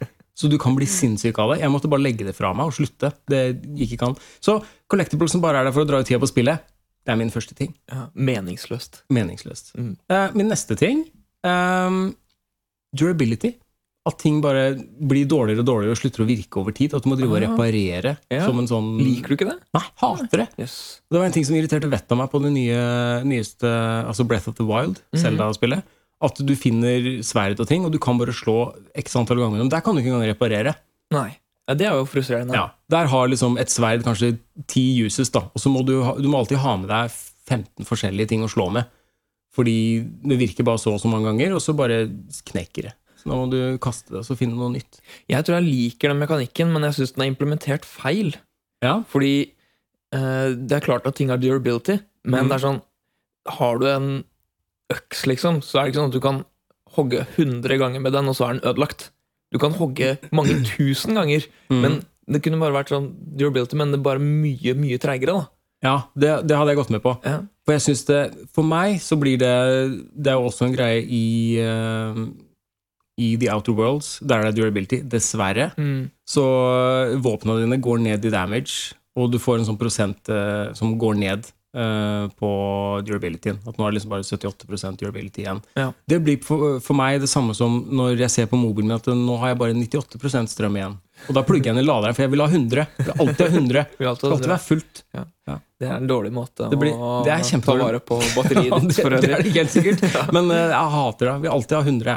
Ja. Alltid det skal være fullt. Trenger ikke durability for min skyld. Eh, en annen eh, mekanikk Det er at du må klatre opp i et tårn for å avdekke kartet. Som eh, det var Assassin's Creed Ja. som begynte med det i sin tid. Som også Zelda har tatt videre, og Far Cry også. Ja. Mm. Det er ikke morsomt, altså. Jeg syns ikke det er kult. Og så Jeg, har ikke spilt, jeg har ikke spilt noen av de spillene. Jeg har, jeg har fått med meg mekanikken, Mm. for det har blitt snakket om mye Ja. i media og sånn. Eh, men jeg har ikke spilt det. Er det, er det så frustrerende? Problemet er at sånn som i, sånn som i Far Cry, Ja. så ble jo de tårna på en måte sånn vanskeligere og vanskeligere å klatre i. Det ble som en sånn puzzle etter hvert. At å ja, nå, må du, nå må du klatre opp i en taustige på innsiden av tårnet, og så må du balansere på en tynn planke, og så må du dukke under en vegg, og så svinge deg forbi og hoppe på utsiden av tårnet. Det ble en sånn puzzle som du måtte gjennom. Sånn platforming-drit. Men det var ikke noe, ja, det var ikke noe gøy uh, platforming. Nei, du blir så lei, for det eneste du skal der oppe, er å bare få avdekka litt mer av kartet. Ja. ja. kunne bare gått til et sted på kartet og trykka på en knapp. Avdekk mer av kartet. Ferdig. Mm. Det er, Eller bare gå til et annet sted, og så, Ja. så oppdager du jo stedet ved å gå dit. ja, At det er sånn Fog of War som bare løfter etter hvert som du utforsker. Ja, Ja. det, det også hadde vært fint. Men eh, det var en del locations der som du bare kunne se fra toppen av den tårnet. Det er så dumt. Altså. Slutt med det. Jeg har enda mer, jeg. Ja, Kjør på.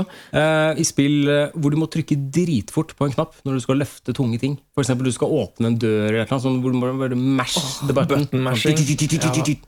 Hater det. Eh, jeg hater også det, i sånn type spill som God of War og sånn. Jeg hater sånne cutscenes med, med sånn uh, triggered events, eller hva det heter. Sånn Quicktime events. Det er, Ja, min, det er, det er det neste jeg har på Ja. lista. Ja, riktig. da var vi på neste. Det var quicktime events. Ja, quicktime events. Mm. Særlig hvis quicktime events i tillegg kommer i en cutscene. For det har også skjedd. skjønner Mm. Du, kan, du har lagt fra deg kontrollen sitter bare og ser på, «Å, er det bare cutscene, og så plutselig kommer en eller annen som drar til deg, og så blinker X på skjermen i et halvt sekund, og så her skal, er det meningen jeg skal trykke, og så dør du. Så må du se cutscene på nytt, og så Mm. sitter du klar på X.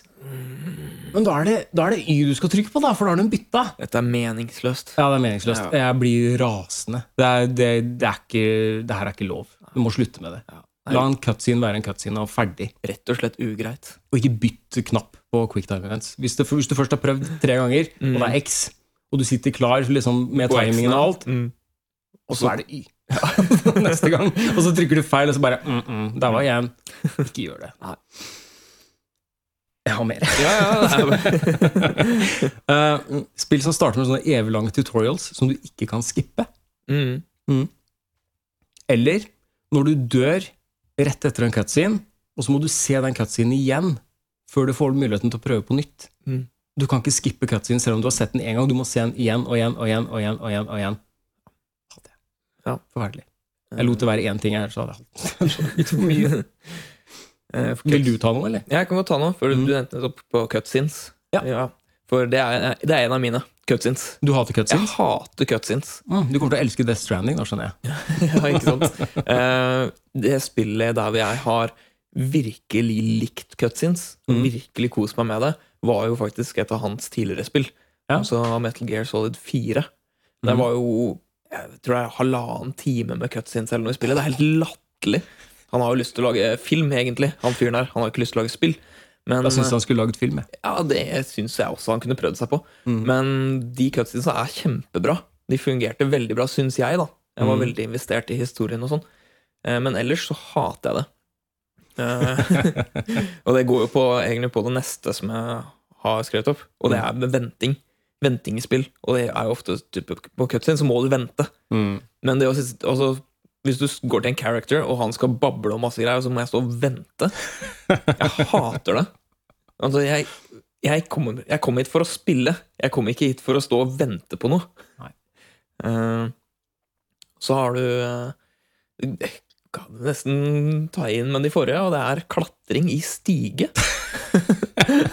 Bare stiger generelt? Ja, jeg hater å klatre Ja. i stiger. Du, er, det for, er det vanskelig, eller? Nei, det går så treigt i alle spill. Det er kjedelig mekanikk. Ja, det er det. Ja, bare fiks det.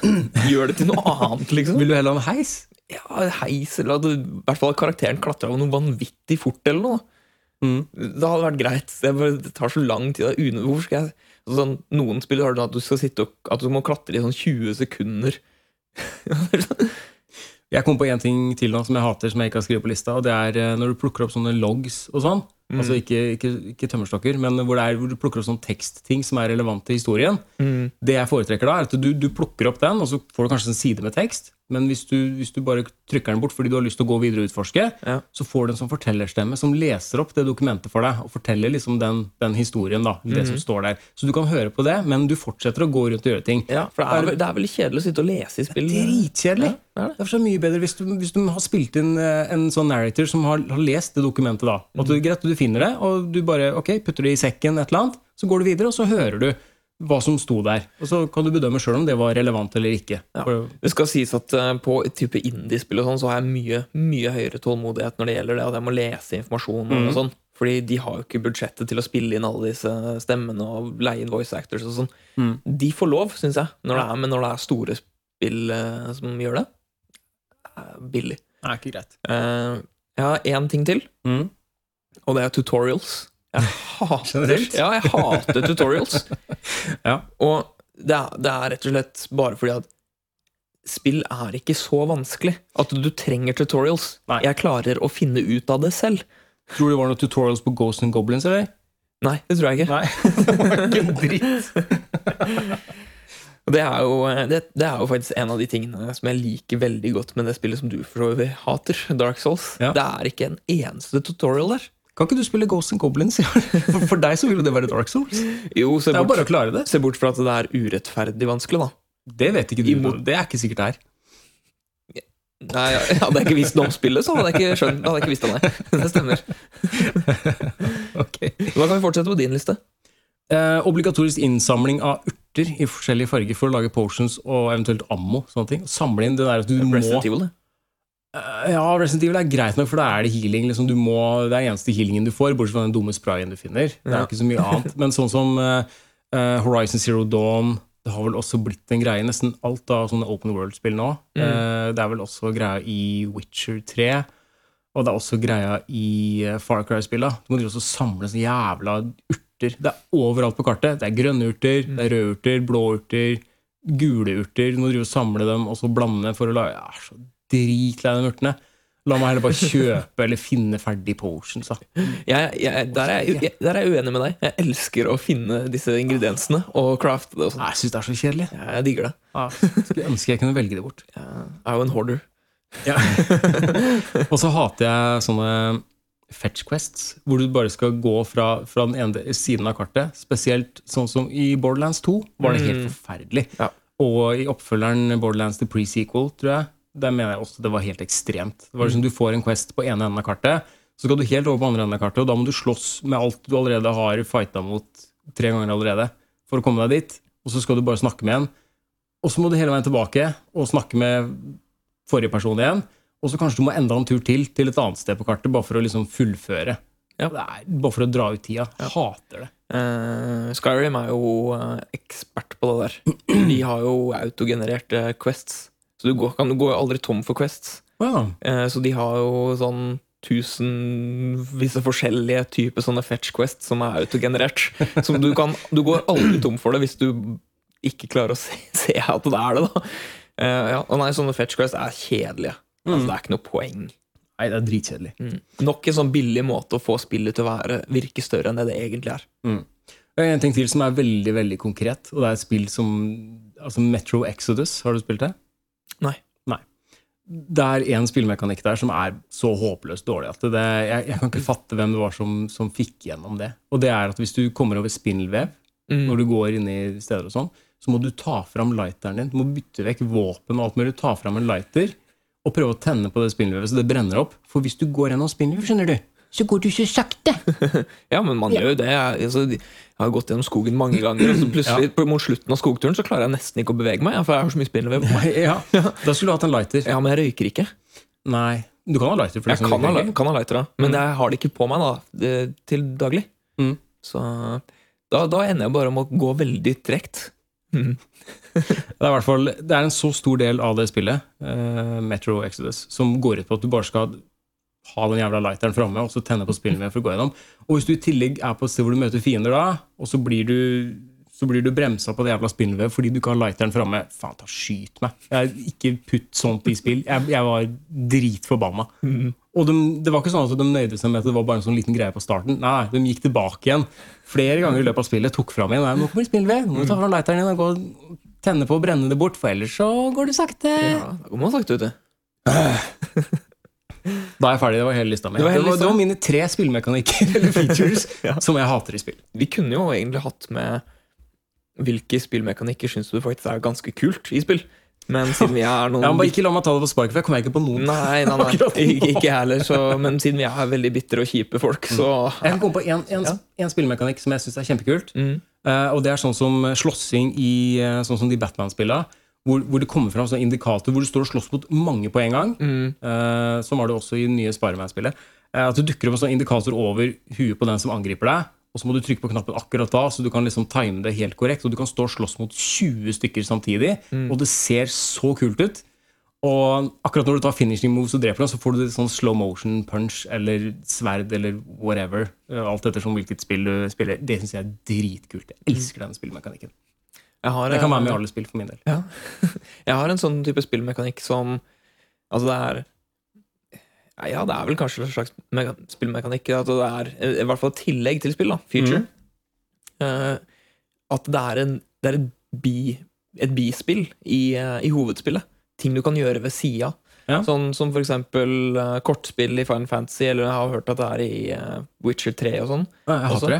Mm. Jeg hater det. Du hater det? Mm. Jeg elsker det, at det er mulig, mulig å gjøre det. For, det, for meg så blir spilluniverset så mye rikere av det. At det Mm. er noe mer du kan holde på med.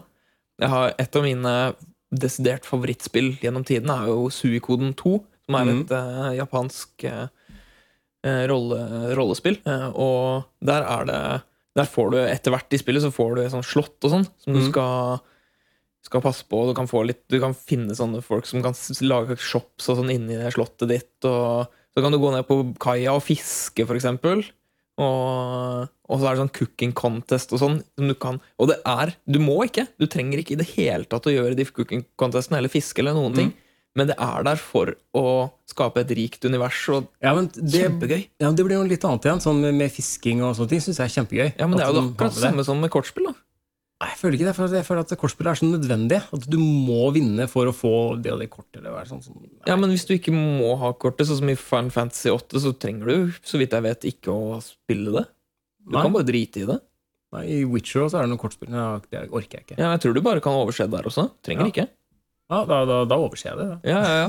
Jeg vet at Du kan spørre nesten hver eneste NPC du møter om eh, om vi spiller Gwent med deg. Og Mm. jeg spør aldri om det. Jeg orker ikke, jeg orker ikke å lære meg et nytt kortspill. og sitte og spille. Det er ikke det jeg har lyst til å spille. Og nok et uh, greie, sånn uh, Final Fantasy 10. Det var jo Blitz, Blitzball. Hata det. Ja, jeg digga det. Jeg digga Blitzball. Jeg kom på en ting, en ting til jeg hater i spill. Ja. Hacking. Hacking, ja. Dumme små IQ-tester og ting du skal pusle sammen og lage en sånn strek gjennom. og Åh, det var så sykt mye av det i det nye Spiderman-spillet. Mm. Og det var noe du måtte gjøre da for å få visse upgrades. Så du måtte drive og pusle sammen Det minte nesten om sånn en mobilspill hvor du skal liksom få vann til å renne fra punkt A til punkt B. Og du har bare et visst antall rørbiter du kan pusle det avstanden mellom med. da At du Mm. liksom skulle lage det røret. Og det var så sykt mye av det. Drive så, sånne IQ-tester som det. Drit i det. La, gi meg en knapp og gi meg en skill som heter hacking. Og hvis jeg har høy nok hacking-skill, så, kan- så virker den knappen på det stedet. Ferdig. Jeg er enig i sånne repetitive uh, puzzle-løsningsgreier. Hvis ikke de er vanskelige og morsomme, så er de unødvendige. Ja, det tar- det tar meg ut av opplevelsen. Altså. Ja, jeg, Sånn liker, jeg liker sånne vanskelige ting. Mm. Eh, Hvis, da, som jeg kanskje må, hvis jeg må bruke huet litt for å løse det. Mm. Men hvis det bare er sånn meningsløst at man bare må gjøre det, da Ja. gir det ikke meg så mye. Enig.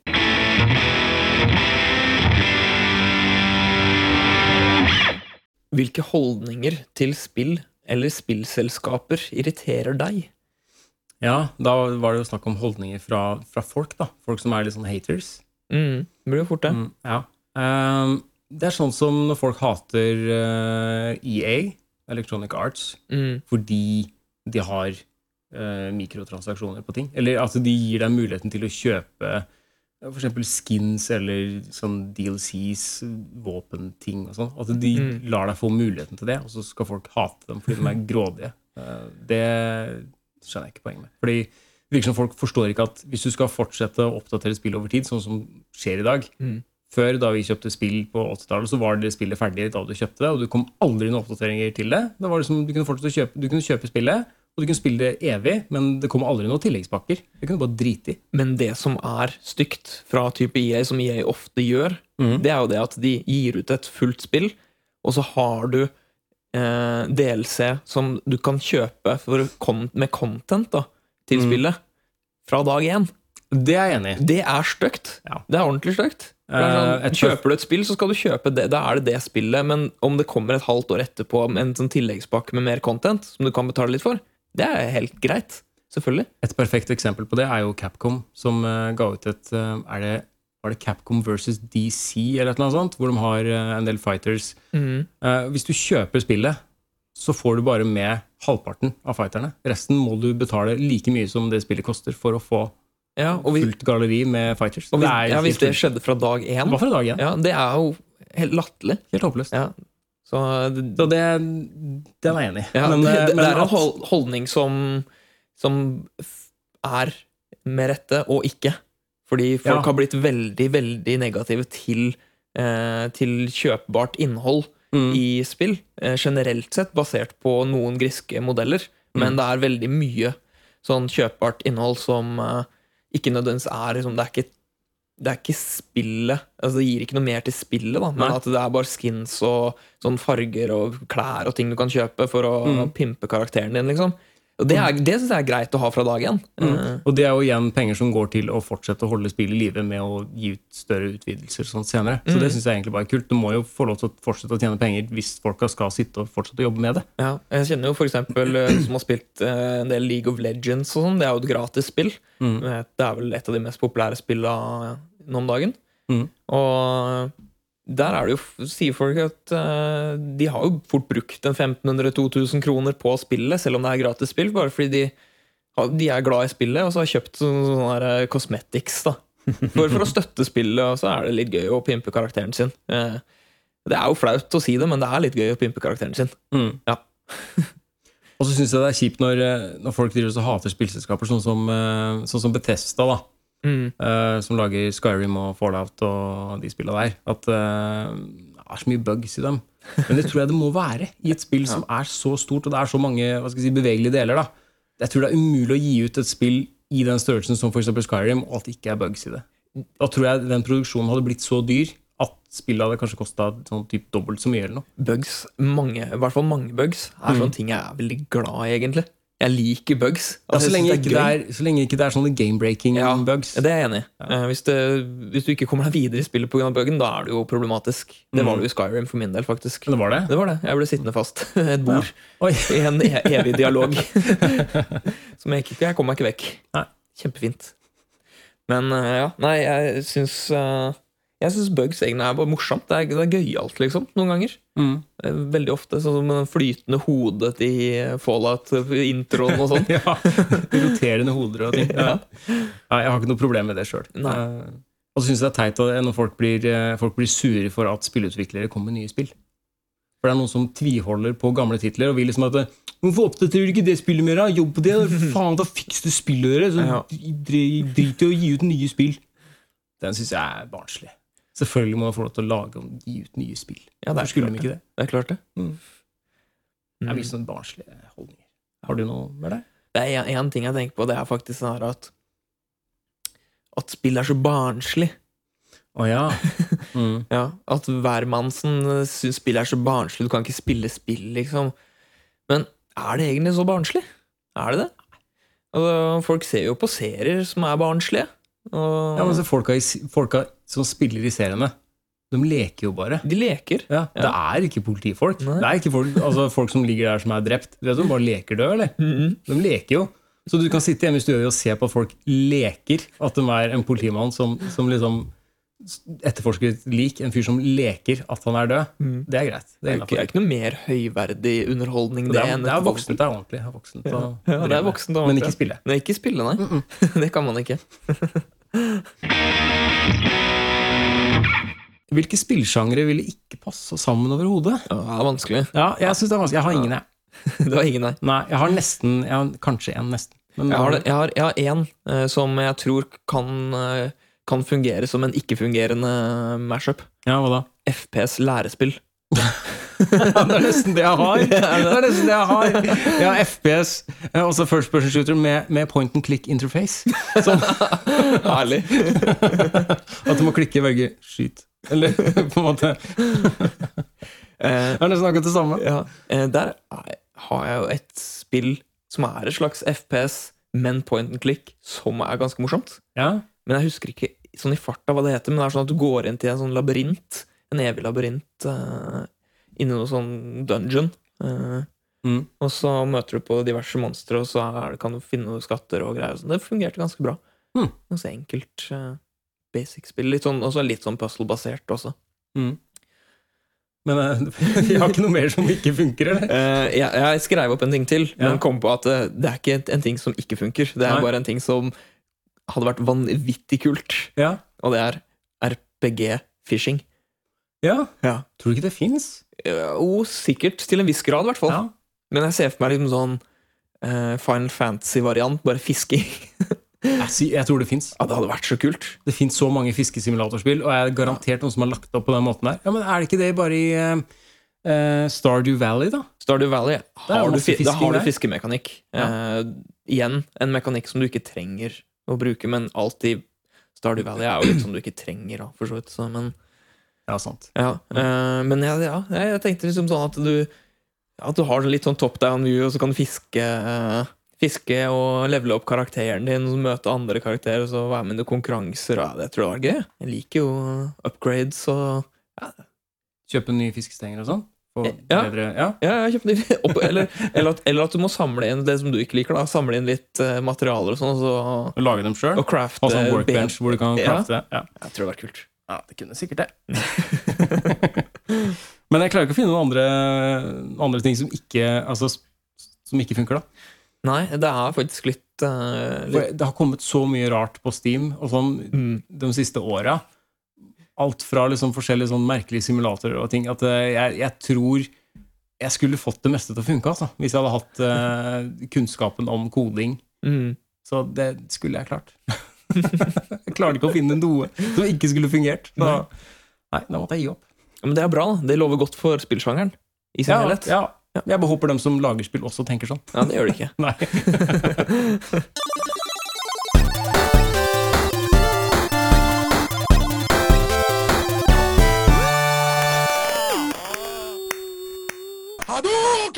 Ja, Den gangen her så har vi ikke noen TV-programmer. Vi har uh, nye spillkonsepter. Nye spillkonsepter har vi. Jeg har skrevet ned, uh, jeg har skrevet ned mitt. Jeg skal skrive ned mitt. Rivstykkeblokka mi.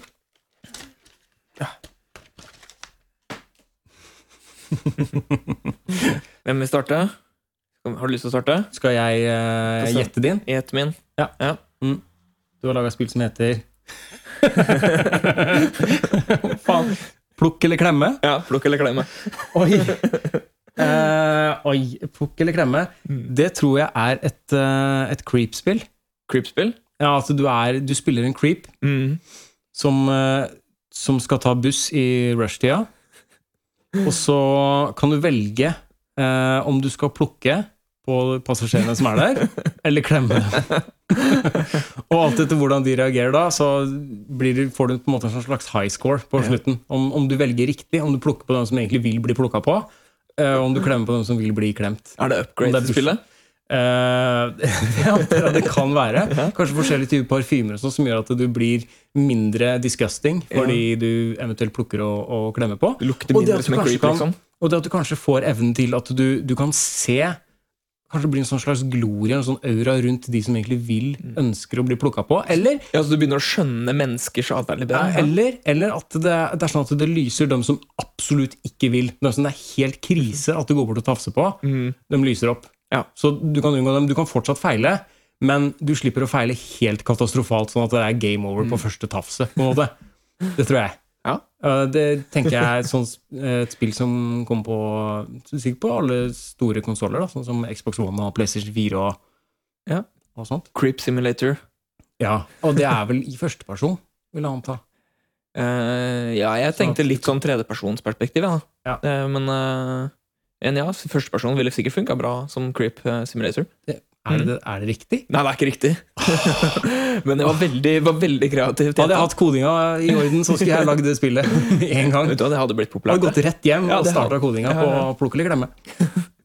Eh, jeg har eh, gått til eh, til den eh, forhatte, det forhatte mediet blant oss Spill elitister spillelitister. Altså mobilspill. Dette er et mobilspill. Ok. Uh, og eh, det går ut på at uh, du enten skal plukke eller klemme på sår og kviser og sånn. Fordi det er så mange som Det er så mange som er så glad i å se på sånne kvisevideoer og sånn. Mm. Det her er sånn Sånn pimple popper-greier. Riktig. Men her har jeg bare laget et spill som går ut på om du skal klemme kvisa, eller om du skal la den være i fred, eller om du skal pirke på såret eller skabben. Mm. Mm. Det er det eneste spillet går ut på. Det kan du sitte med på bussen, kose deg med når som helst. Eh, Kanskje du til og med kan la være å pirke på din egenskap. Da kan du pirke på spillet. Det er, det er vanvittig, tenker jeg. Jeg tror det er et stort marked for dette her. Så det kommer til mobil, da? Dette kommer til mobil. Er det gratis? Eh, selvfølgelig er det gratis, men du kan kjøpe Men du kan kjøpe eh, nye sår og nye kviser. Kjøpe nye Ja, dritbra. Jeg gleder meg til å spille det. Skal du ha mitt? Eh, ja, gjerne. Her.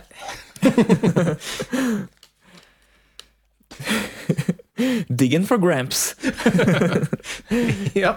Uh, jeg tenker umiddelbart at uh, Altså, du uh, Du har mistet bestefaren din.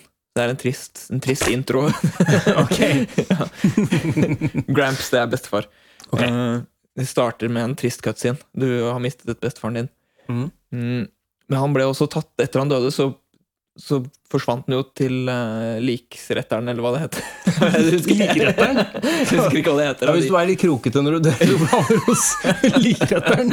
Man strekker og så strekker deg ut. Ja, man strekker ut like liket. når du- alle, alle gamle mennesker er jo så krokete, må få plass til Er, kisten. er det der uttrykket 'rett på liket' kommer fra? Ja, jeg tror det, faktisk.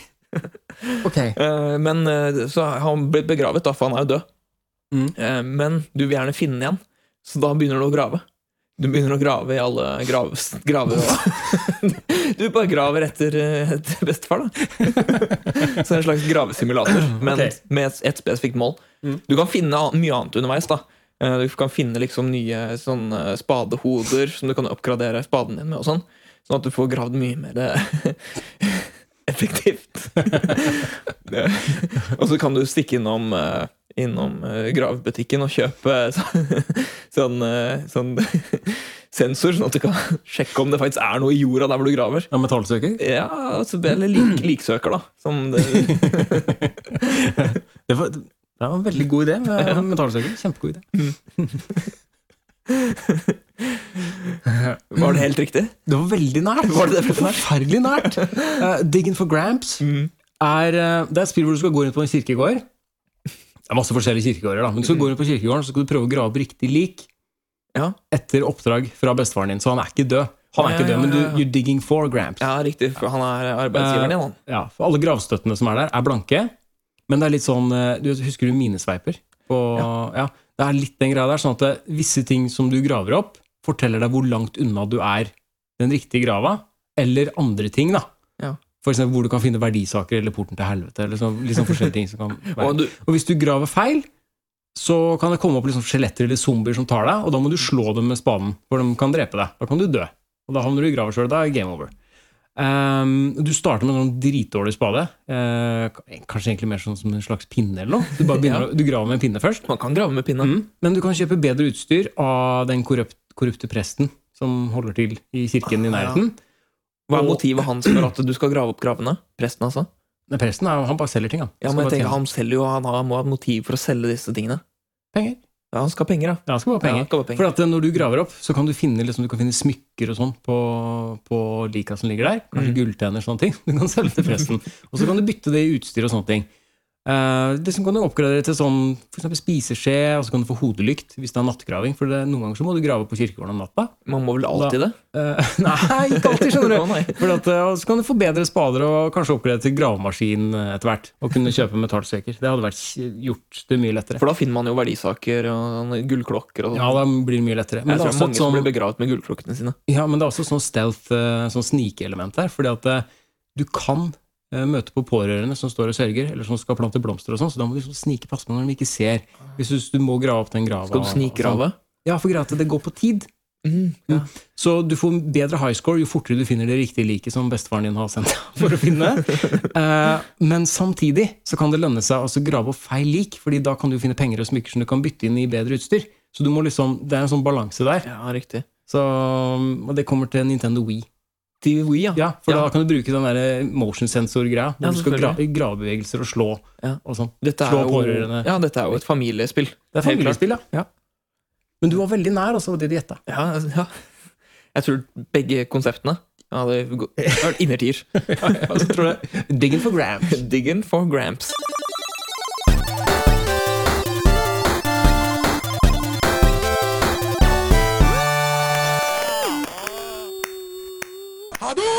Hva ser du fram til i fremtiden med spill? Ikke så, det er ikke så veldig konkret. Eh, jeg bare skrev veldig sånn diffust gode historier og bra gameplay. Mm. Mm. Uten at eh, nødvendigvis grafikken trenger å være hovedfokuset, for grafikken blir så bra nå uansett, føler jeg. Det Ja. er bare en sånn kult gameplay. Var litt, Få, få cutscenes, lite å skippe. var litt lame svar. Ja.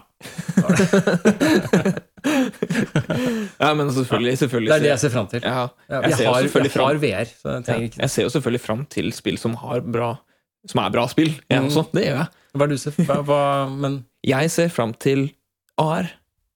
Augmented reality. ja. Mm. For eh, VR er jo kult. Kjempegøy. Men det er veldig begrensende. Men AR fins allerede. AR er har startet, Mm. men det er ikke Det er ikke det, det det kan være. For det kommer til å være en ting som Ja. blir ordentlig stort. Eh, Sånn som nå, så har du jo type Pokémon Go og sånn. Det er et AR-spill. Mm. Men eh, i framtiden så vil det være Man vil få prosesseringsenhetene, altså mobiltelefonen vil være kraftig nok til å kjøre. Altså kanskje du kan koble til en sånn Koble til noen briller eller noe sånt, som, Mm. som fint kan legge til altså Ta alle bygninger og legge til nye slør på bygningene og gjøre det til et helt nytt univers. Da, sånn at du går Mm. rundt i virkeligheten, men du ser jo helt andre ting enn sånn virkeligheten ser ut. Jeg har faktisk tenkt på det, at jeg kunne godt tenkt meg et sånn, eh, et sånn rollespill, litt sånn Diablo-aktig, Mm. hvor du da kan gå rundt ute sånn som på Pokémon Go. Bare at du, faktisk, du kan gå til butikker og oppgradere utstyret ditt akkurat der. Mm. Det er ikke noe du gjør via en meny uansett hvor det er. men Du må faktisk dit. Ja. Du må faktisk til den dungeon, til den fienden, til altså finne ting på konkret sted. se, Det for kan være deg, kult. ja, se for deg det, da. Og, men I tillegg så er det ikke sånn at du bare går dit, og så bare trykker du på en knapp, og så kjøper du det. Men du kan gå dit, og så kan du plukke det opp med hånda di, Mm. og putte det i sekken, eller hva enn du gjør. si, altså, og du kan interagere med verden rundt deg. Mm. Eh, Hvor alle tror du er gæren. Ja, selvfølgelig. Mm. Altså, du går rundt som en galing og står og plukker opp ting i løse lufta. Men altså, når det kommer, Mm. så kommer det til å være så populært at de, nesten alle kommer til å holde på med det. Kunne det kanskje vært sånn at, eh, at det var lagt opp sånn at spillet kjenner igjen søppel i naturen, og at, det, at spillet ser på søppelet som på en måte en slags ressurs da, som du må levere på en gjenvinningsstasjon eller i en Det søppelbøtte. hadde vært helt Og da får du credits som du kan kjøpe utstyr for. Ja. Så ved at du spiller spillet, så gjør du også verden renere. Det hadde jo vært helt gull verdt. Det er ingen som gjør det. Nei. Hvorfor kan ikke du kode det spillet nå? Det er jo, Så lager jeg det gravespillet. For og det, er- dette er jo en annen ting. Mm. Eh, altså, veldig mange jobber er dritkjedelige, Mm. men når AR kommer for fullt, så kan du jo heller bare gjøre om den jobbopplevelsen til noe annet. Ja, Pakke pølser på Gilde, eksempel. Ja, Så gjør du ikke det, så da, da driver du med andre ting, liksom. Men du, i virkeligheten så gjør, pakker du bare pølsene, Mm. men i spillet så gjør du faktisk noe helt genuint morsomt og kult, som du kanskje kan ta med deg ut i verden i ettertid, som du har tjent mye spenn på i spillet også. da. mm. Ikke bare i virkeligheten, for det å tjene penger i virkeligheten er ikke like gøy som å tjene penger i spill, som vi alle vet. Nei, det er det ikke. Nå bærer det rett i skammekroken! Ja, men I skammekroken. Har du noe der? Jeg har noe der. Ja, da kan du ta det. Jeg, skal jeg har ta det? Ikke som, jeg har ikke noe bra der. Nei. Uh, Gearbox Software CEO Randy Pitchford Han havner i skammekroken i dag. Jeg tenker alltid han heter Randy Pitchfork. Ja, jeg uh, måtte faktisk se to eller tre ganger på navnet hans. For for du tenker du det også? Jeg tenkte det samme. Eh, han eh, gikk hardt ut offentlig mot journalister som påstod at det skulle være eh, mikrotransaksjoner i Borderlands 3. Ok, Eh, for det sa han at det skal det absolutt ikke være. ok, men det er det? Det er det. Heter det noe annet, eller? Det gjør det helt sikkert. Kanskje men- det er nanotransaksjoner? Ja, ikke sant? Eller uh, millitransaksjoner. Ja. Det er litt større transaksjoner, da. Koster mer. Um, og det er jo én ting. Det er jo ikke, jo ikke så veldig Altså Det er litt kritikkverdig å, å lange ut mot folk som eh, påstår en ting som de har rett i, og så Ja. Ja, jeg vet ikke. Det, det, det, er, det er dust, i hvert fall. Eh, Ja. Men ja, det er flere ting med han her. Ok, Mhm. Og det er at han nektet å betale en sentral eh, karakter, altså en voice actor, da. I, eh, for det er en karakter som heter Claptrap, som er veldig sentral. Mm. Og han nektet å betale den opprinnelige voice actoren eh, penger for den rollen. Så han opprinnelige voice actoren er ikke med i treeren. Nei. I Borderlands 3. Eh, og han hadde jo fått eh, denne Han som spilte voicen, da. Det Mm. var eh, en som jobba i selskapet fra før. Og han fikk jo sparken eh, fra, fra etter han hadde gått ut og sagt at eh, Randy Pitchford hadde liksom dytta han og eh, harselert med han og alt sånn. Og han, Randy Pitchford skal også påståelig ha tatt ut en svær bonus til seg selv som var ment til de ansatte. Oi. Ja, Det er ikke greit. Nei. Altså, han fyren her virker som en dust. Rett og slett. Han, det er jo samme fyr som forsvarte Aliens Colonial Marines i sin tid. Ja. Og forsikra om at nei, da, ingen, det er ikke sånn at vi har brukt alle ressursene på neste Borderlands. Vi har, vi har virkelig jobba med aliens for å få det bra. Mm. Eh, Randy Pitchford syns jeg kan gå og spise en humble pie, faktisk. Han trenger å være litt mer ydmyk. Jeg er helt enig. Ja.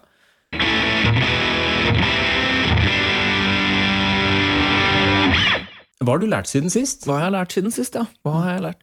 Jeg har skrevet noe av det her. Jeg har det. Ja, jeg har det. Ja. Ja, det. Mm. Um, dette blir en liten eh, opplesning, for jeg husker, jeg husker det sånn Jeg husker uh, stikkordene her, men eh, ikke helt. Mm. Det, det handler om Sør-Korea, faktisk. Ja, Ja. Men jeg tenkte også det måtte være spillrelatert, da. Oh, ja, det er ikke mitt. Nei, mitt er det. Ja. Eh, For eh, etter eh, 1945 Mm. Nei, det, det stemmer ikke. Jo, det stemmer. Etter okay. 1945 så bannlyste Sør-Korea eh, all japansk kulturimport.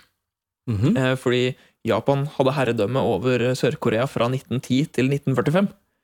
Eh, og med dette så ble det sånn at eh, Nintendo, som er fra Japan Nintendo Entertainment System det, som det, For de heter det. Nei, nei, de heter ikke det. Men uh, spillkon spillkonsollen heter det. Den som for øvrig også var forbudt, selvfølgelig. Ja. Fordi uh, det var jo fortsatt et, eh, en, Det var ulovlig med japansk kulturimport på den tida også, Mm. mm, på 80-tallet. Uh, og det betød fortsatt ikke det at de ikke hadde den konsollen i landet. For det som var greia, var at Hundai, som er et bilmerke som vi kjenner det mest som, de har også Mm. en sånn elektron, eller elektronikkvariant av kjeden av forretningen sin. Ja. Eh, de importerte Nesen, eh, den konsollen, og så kalte de den for eh, Hundai Comboy. Yes. Så i eh, Sør-Korea så het det Hundai Comboy, eh, og etter, etterpå så kom jo Nintendo ut med Super Nintendo, og Mm. den het uh, i Sør-Korea Super Comboy. og Nintendo 64 uh, ble da hentende Comboy 64. Yes. Det har jeg faktisk aldri hørt. Nei, det er veldig rart. Eh, og dette, ja, og dette var en sånn eh, eh, Denne eh, Hva er det heter? det? Den loven om, om at ikke fikk kunne importere kulturimport fra Japan, det gikk over i sånn 2011 eller 2014. Da ble det opphevet. Mm. Så det, holdt ganske lenge. Morsomt, syns jeg. Det var interessant. Ikke sant? litt historie, litt spill. Ja, men det var, var faktisk spillehistorie som jeg aldri hadde hørt om. Ikke, ikke noe relatert til det i det hele tatt. Det var helt nytt. Og jeg har flere bøker om liksom, spillenes begynnelse og sånne ting. Den mm. tidligere konsollen og sånne ting. Aldri hørt om akkurat det. Så, interessant. Eh, Jeg har ikke noe spillrelatert, da, men jeg har lært det. Mm. Um, du har hørt om minigris? Minigris? Ja, jeg har hørt om Altså, minigris. folk som skriver sånn på, på Facebook sånn 'Å, jeg har så lyst på minigris, jeg. Ønsker meg minigris'. Mm. Vet du at minigris fins ikke? Fins ikke minigris? Nei, finnes ikke minigris. Nei. Vet du hva som fins? Gris? Ja. minigris er bare gris. Ja, men du får griser som ikke blir megastore. De blir fortsatt store. Ja. Du får fortsatt 100 kilo med gris.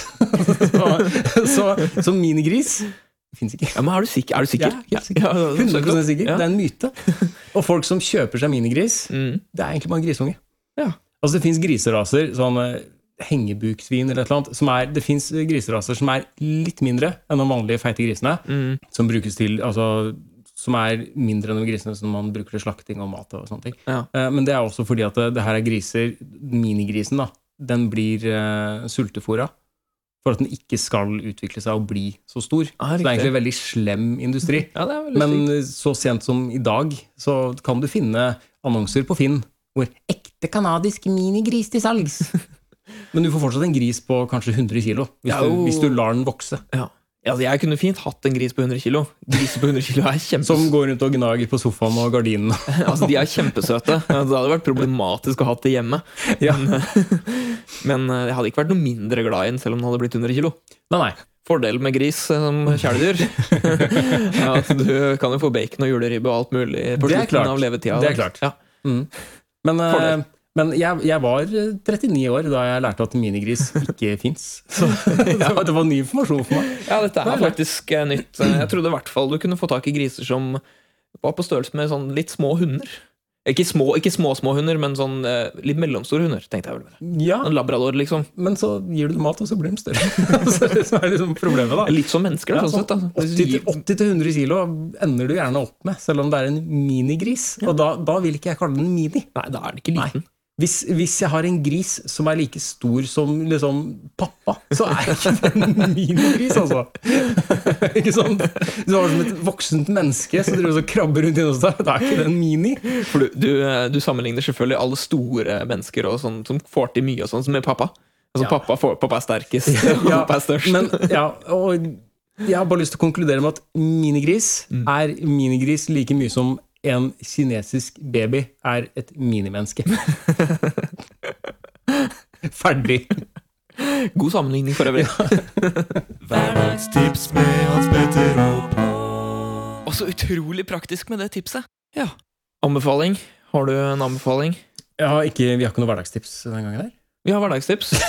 Vi har hverdagstips først, vi. Ja. Ja. Eh, har du hverdagstips?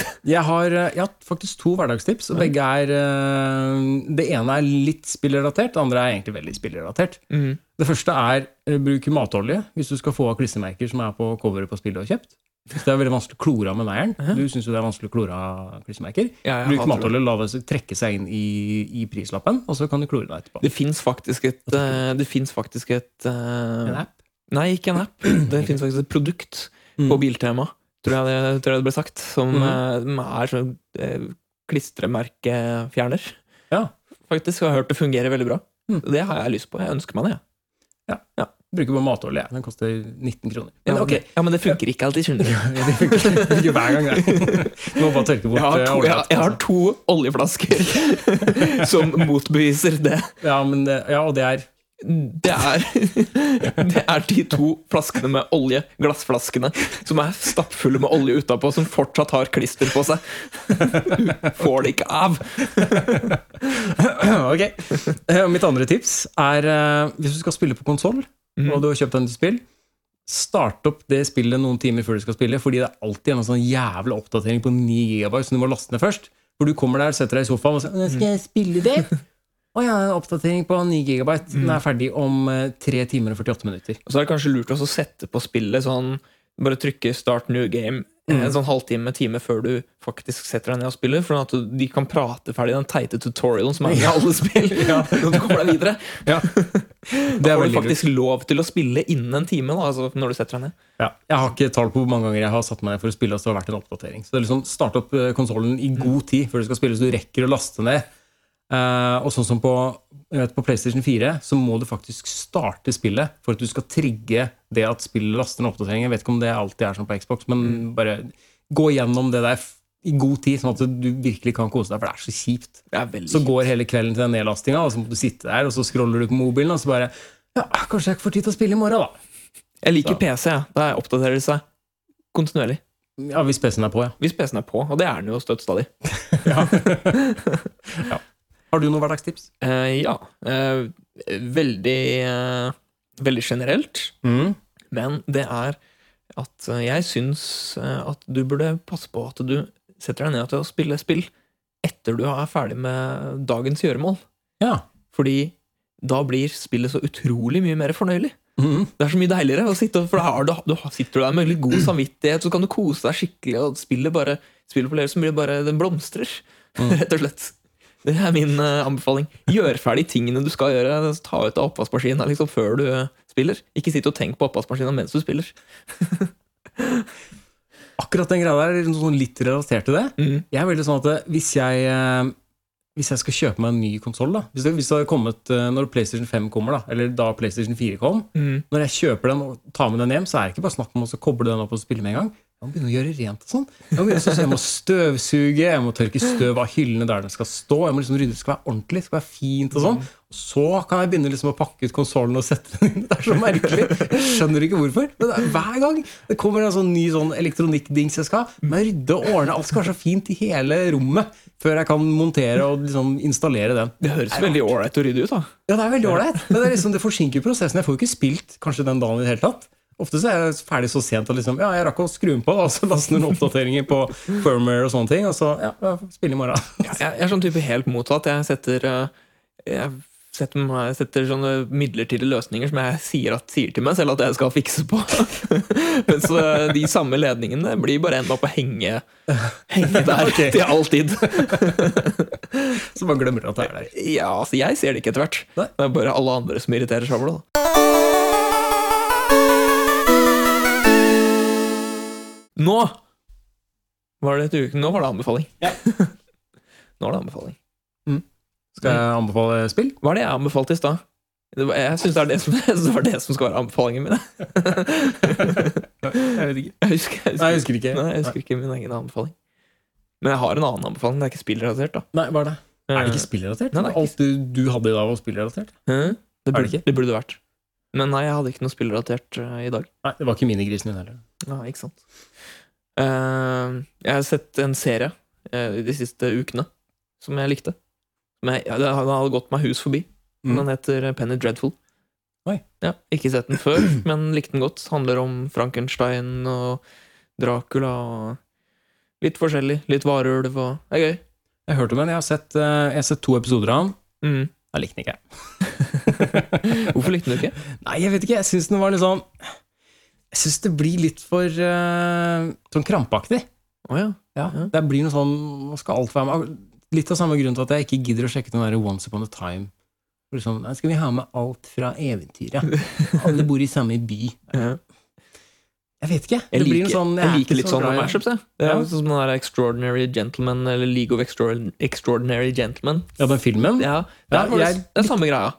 Ja. Det er bare pusher de alle sånne greier inn i, inn i samme konsept. Jeg likte den før, og så prøvde jeg å se den på nytt, og den var, jeg ikke var noe bra lenger. Ja, nei, jeg tror, ikke den, jeg tror ikke den har holdt seg så bra, men jeg likte den eh, da den Det er med Sean Connery. Det er med Sean Connery. Hva er uh, din anbefaling denne uken? Uh, jeg har egentlig bare lyst til å anbefale spill, jeg. Du har bare lyst til å anbefale spill? Jeg har bare lyst til å anbefale det. Ja. Jeg har lyst til å anbefale flere spill, jeg. Jeg kunne anbefalt flere spill, jeg òg. Ja, ja men jeg, jeg gjør det, jeg. Eh, jeg jeg syns folk burde spille et som heter Rhyme. Rime. Handler det om å rime? Nei, det gjør det ikke. Det er et, eh, et slags eh, Et veldig sånn avslappende puslespill med veldig koselige, fine farger. Sånn tredjepersonsspill. Hvor du løper rundt på en øy. Jeg tror du på en måte Du løper rundt deg helt alene. Det er ikke noe slåssing. Det er ingenting, det er bare puzzles og ting. Og du må prøve å finne ut av ting på egen hånd. Hvor du skal, og hva du skal gjøre og sånn. Og så er det noen sånne onde krefter der. Og det er en veldig, veldig Veldig veldig kul spilleopplevelse. Og da jeg, jeg spilte gjennom og runda det, og det er en av de bedre spilleopplevelsene jeg har hatt. Fordi det er en sånn dypere mening med det, men du finner ikke ut det før helt på slutten. Kult. Og det er bare, Jeg syns det var kjempebra. Jeg tror jeg fikk det gratis fordi det var fulgte med på PlayStation Pluss-abonnementet mitt. eller et eller annet. Kan godt hende at Det- dette er en anbefaling jeg eh, tar opp. Uh, Ja, Det er bare sånn, en sånn liten indie-tittel som uh, jeg, jeg har lest tittelen flere steder, liksom, og jeg har aldri giddet å sjekke det ut før jeg fikk det gratis. Og bare wow, jeg hadde faktisk kunne godt tenkt meg å betale penger for det. Mm. Fordi det, det var såpass bra. Og så syns jeg folk burde sjekke ut uh, The Outer Worlds nå som det er ute. For det er Ja. et veldig kult spill.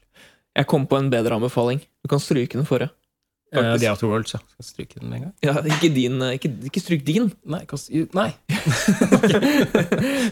Jeg kom på en bedre anbefaling for meg sjøl. Ja. og det er eh, For nå kommer jeg jo på hva jeg anbefalte tidligere i episoden. Men jeg Ja. kan anbefale en ting til, som Hva var det du kom på? Det var The King of Kong-dokumentaren. Ja, Det var men, men, men, den- men det er faktisk en annen spillrelatert dokumentar som jeg virkelig anbefaler. Altså King of Kong er nisje, morsom, quirky, mm. men dette her er en ordentlig bra dokumentar, liksom. Og det Mhm. er jo den som heter Indie Game The Movie. Er det ikke Jeg tror det heter det. Er det den med Fez og, Ja, med Fez. og Meatboy? Super Meatboy? Ja, og den syns jeg er kjempebra. Mm, jeg. Ordentlig god dokumentar, og får deg litt inn i og gjør deg litt sånn Jeg vet ikke, knyttet til de som driver med det, og ser litt Se litt hva, hva, hva det går i, da. Mm. Uh, For jeg tenkte, satt og tenkte på Fez når du anbefalte det, det rhyme, skjønner du. Ja. Fordi Fez er uh, en veldig fin spilleopplevelse. Veldig Mm. koselig, chill greie. Fez. Så stryk, stryk min forrige anbefaling, du. Ok, jeg, da stryker jeg, stryker jeg Ja.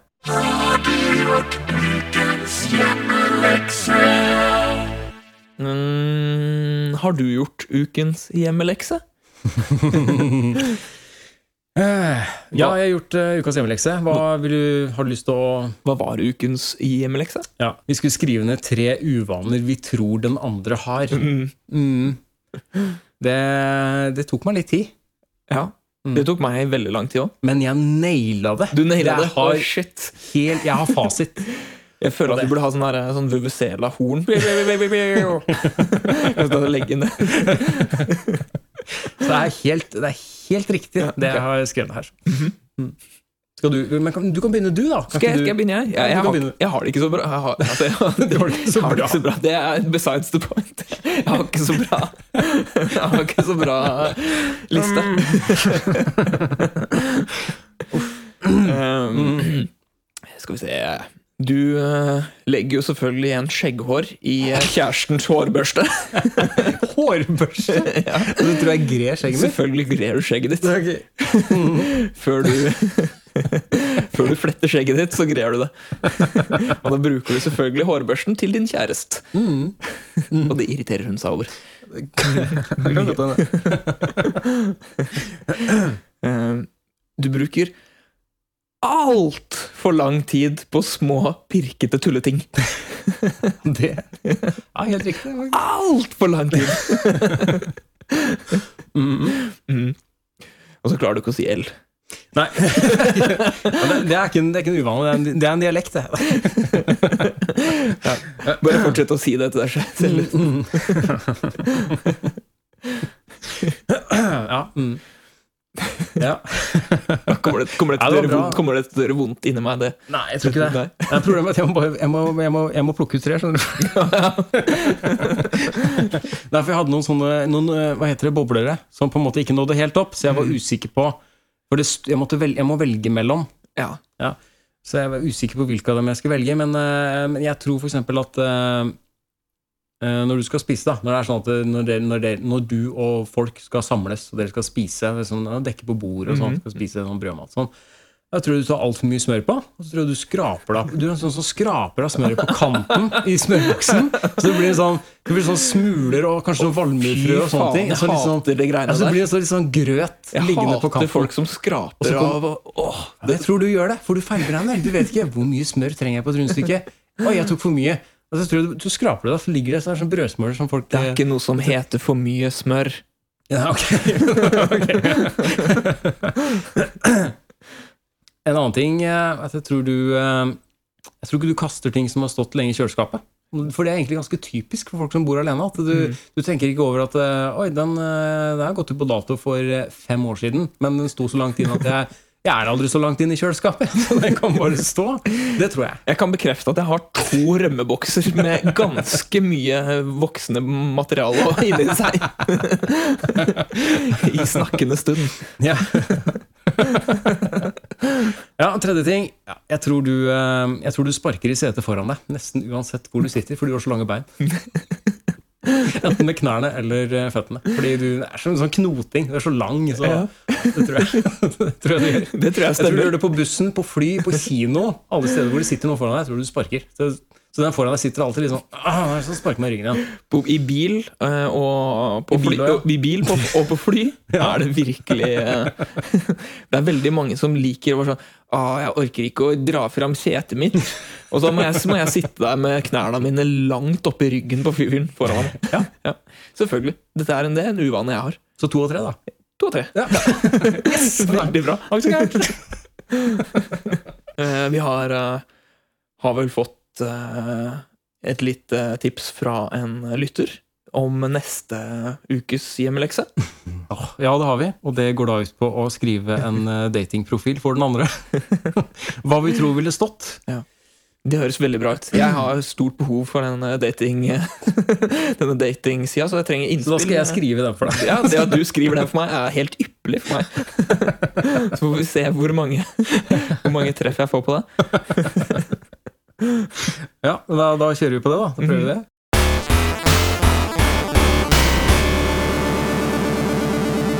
Eh, skal vi ta noen spørsmål før vi avslutter, eller?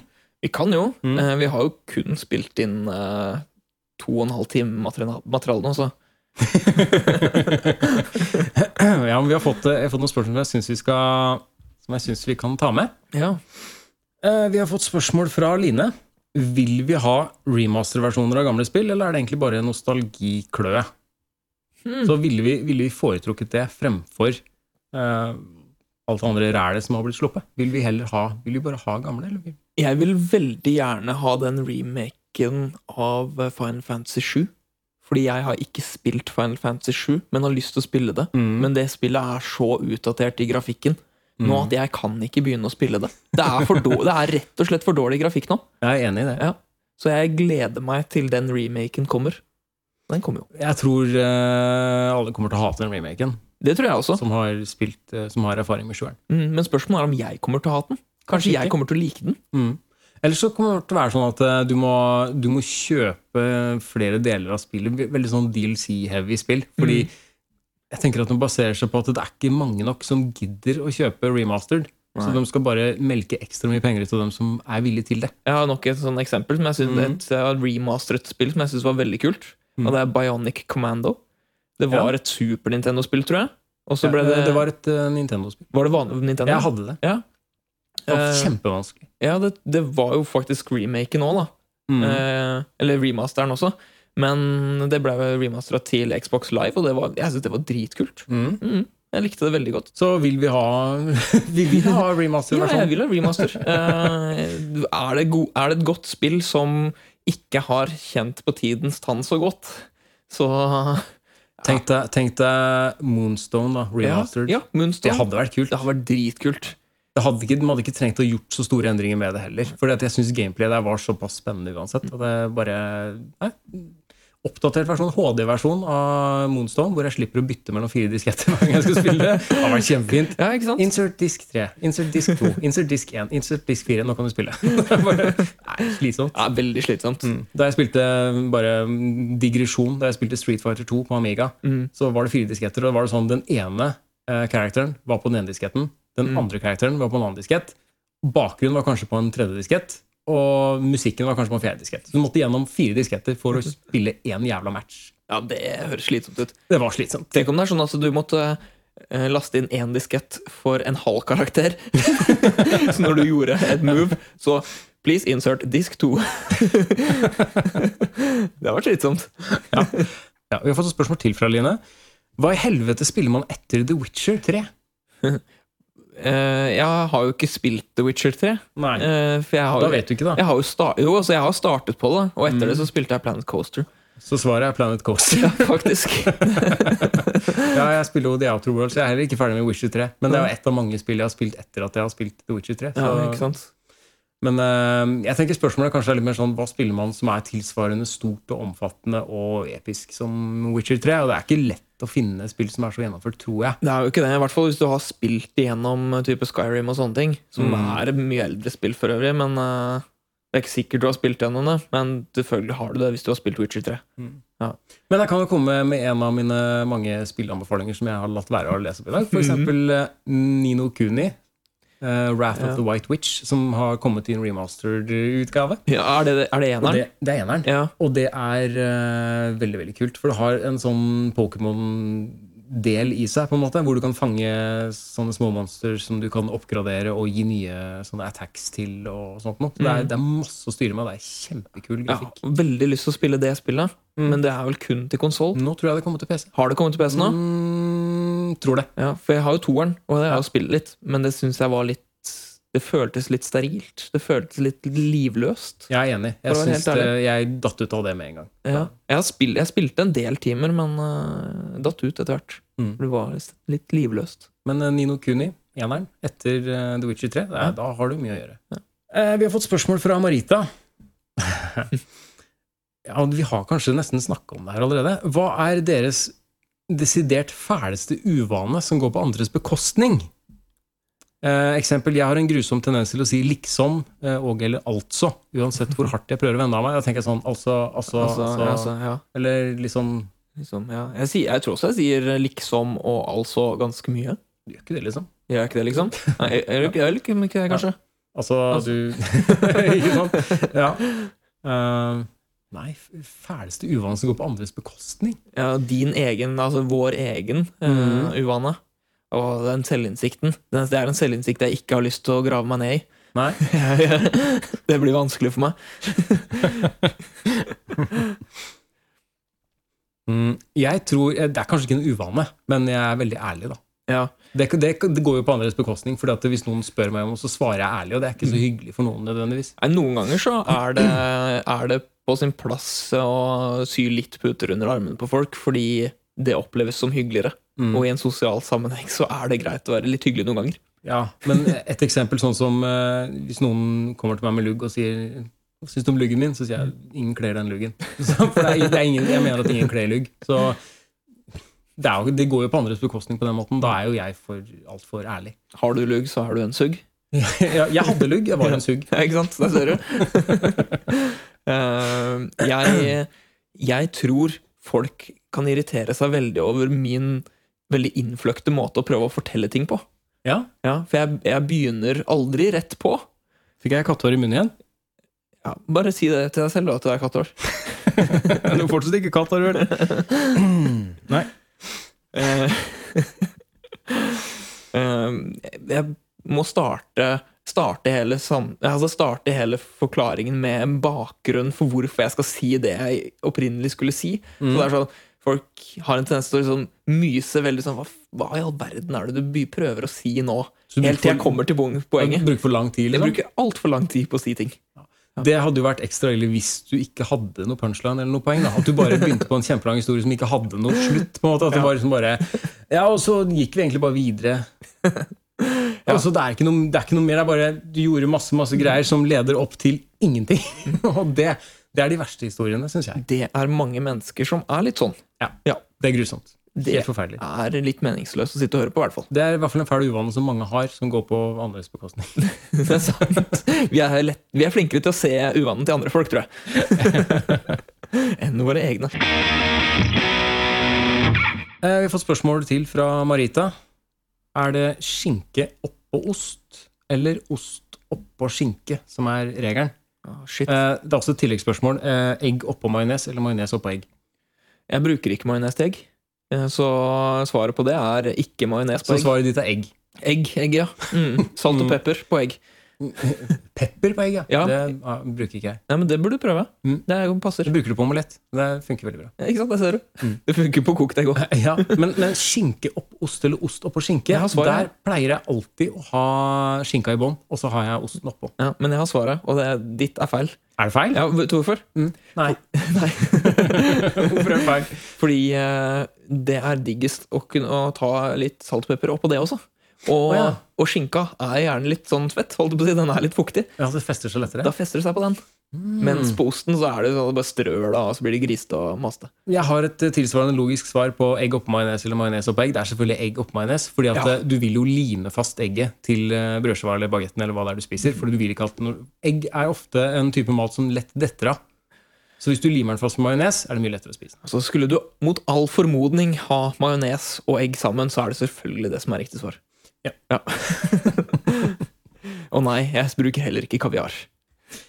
Nei, Nei. ikke på majones. Det kan ikke, Jeg bruker ikke kaviar oppå majonesen. Du har nudler, selvfølgelig. Jeg har nudler ja, Mm. oppå kaviaren. Dette er en viktig melding fra vaktmester. Dersom noen har spørsmål, kan de sendes oss elektronisk til edb-maskin på følgende adresse. Voksenopplæring podkast i krøllalfa Det var altså voksenopplæring, ikke opplæring men med A og E istedenfor Æ. Etterfulgt av podkast med C krøllete alfasnurr og gmail.com. For nærmere informasjon kan samme elektriske postkontor kontaktes med krøllsnurr alfa kom http skråstrek alfa dot snurrsnurr. Nei, glem det siste, det var feil. Helvete heller. Bare skriv på Facebook isteden. Takk og adjø. Eh, skal vi si noe om uh, Nei, vet du hva? Det snør, for faen. Det snør, snør? som helvete. Det er det jeg eh, Det er det, det som jeg så. Jeg trodde først det dryppa, men det snør. Det er masse Det snør! Det snør, jeg Orker ikke. Og vet du hva, apropos det, at det snør, så kan folk bare drite i å skrive det på Facebook. Og legge ut bilde. Ja, nå snør det. Nå snør det. Men nå snør det. Nå snør det. Nå snør det Så nå kan alle faktisk gå hjem eh, og sette seg trygt i godstolen og spille litt spill, for nå snør det ute. Mm. Det er virkelig sesongen for å spille dataspill nå. Har du sagt fra til vaktmester? At han uh, ruller bort tønna? Uh, ja, han, uh, han har fjerna den. Han har Ja. også varmet opp EDB-maskinen, sånn at vi også kan spille litt dataspill etterpå. Flott. Det gleder jeg meg til. Ja, Hva er det de skal spille? Commander Keen. Pong? Ja. Skyroads. Hvis maskinen klarer å kjøre det. Det Nei. vet jeg ikke. En klar pong. Ja. Mm. Så da, da kan dere mm, endelig få dratt hjem.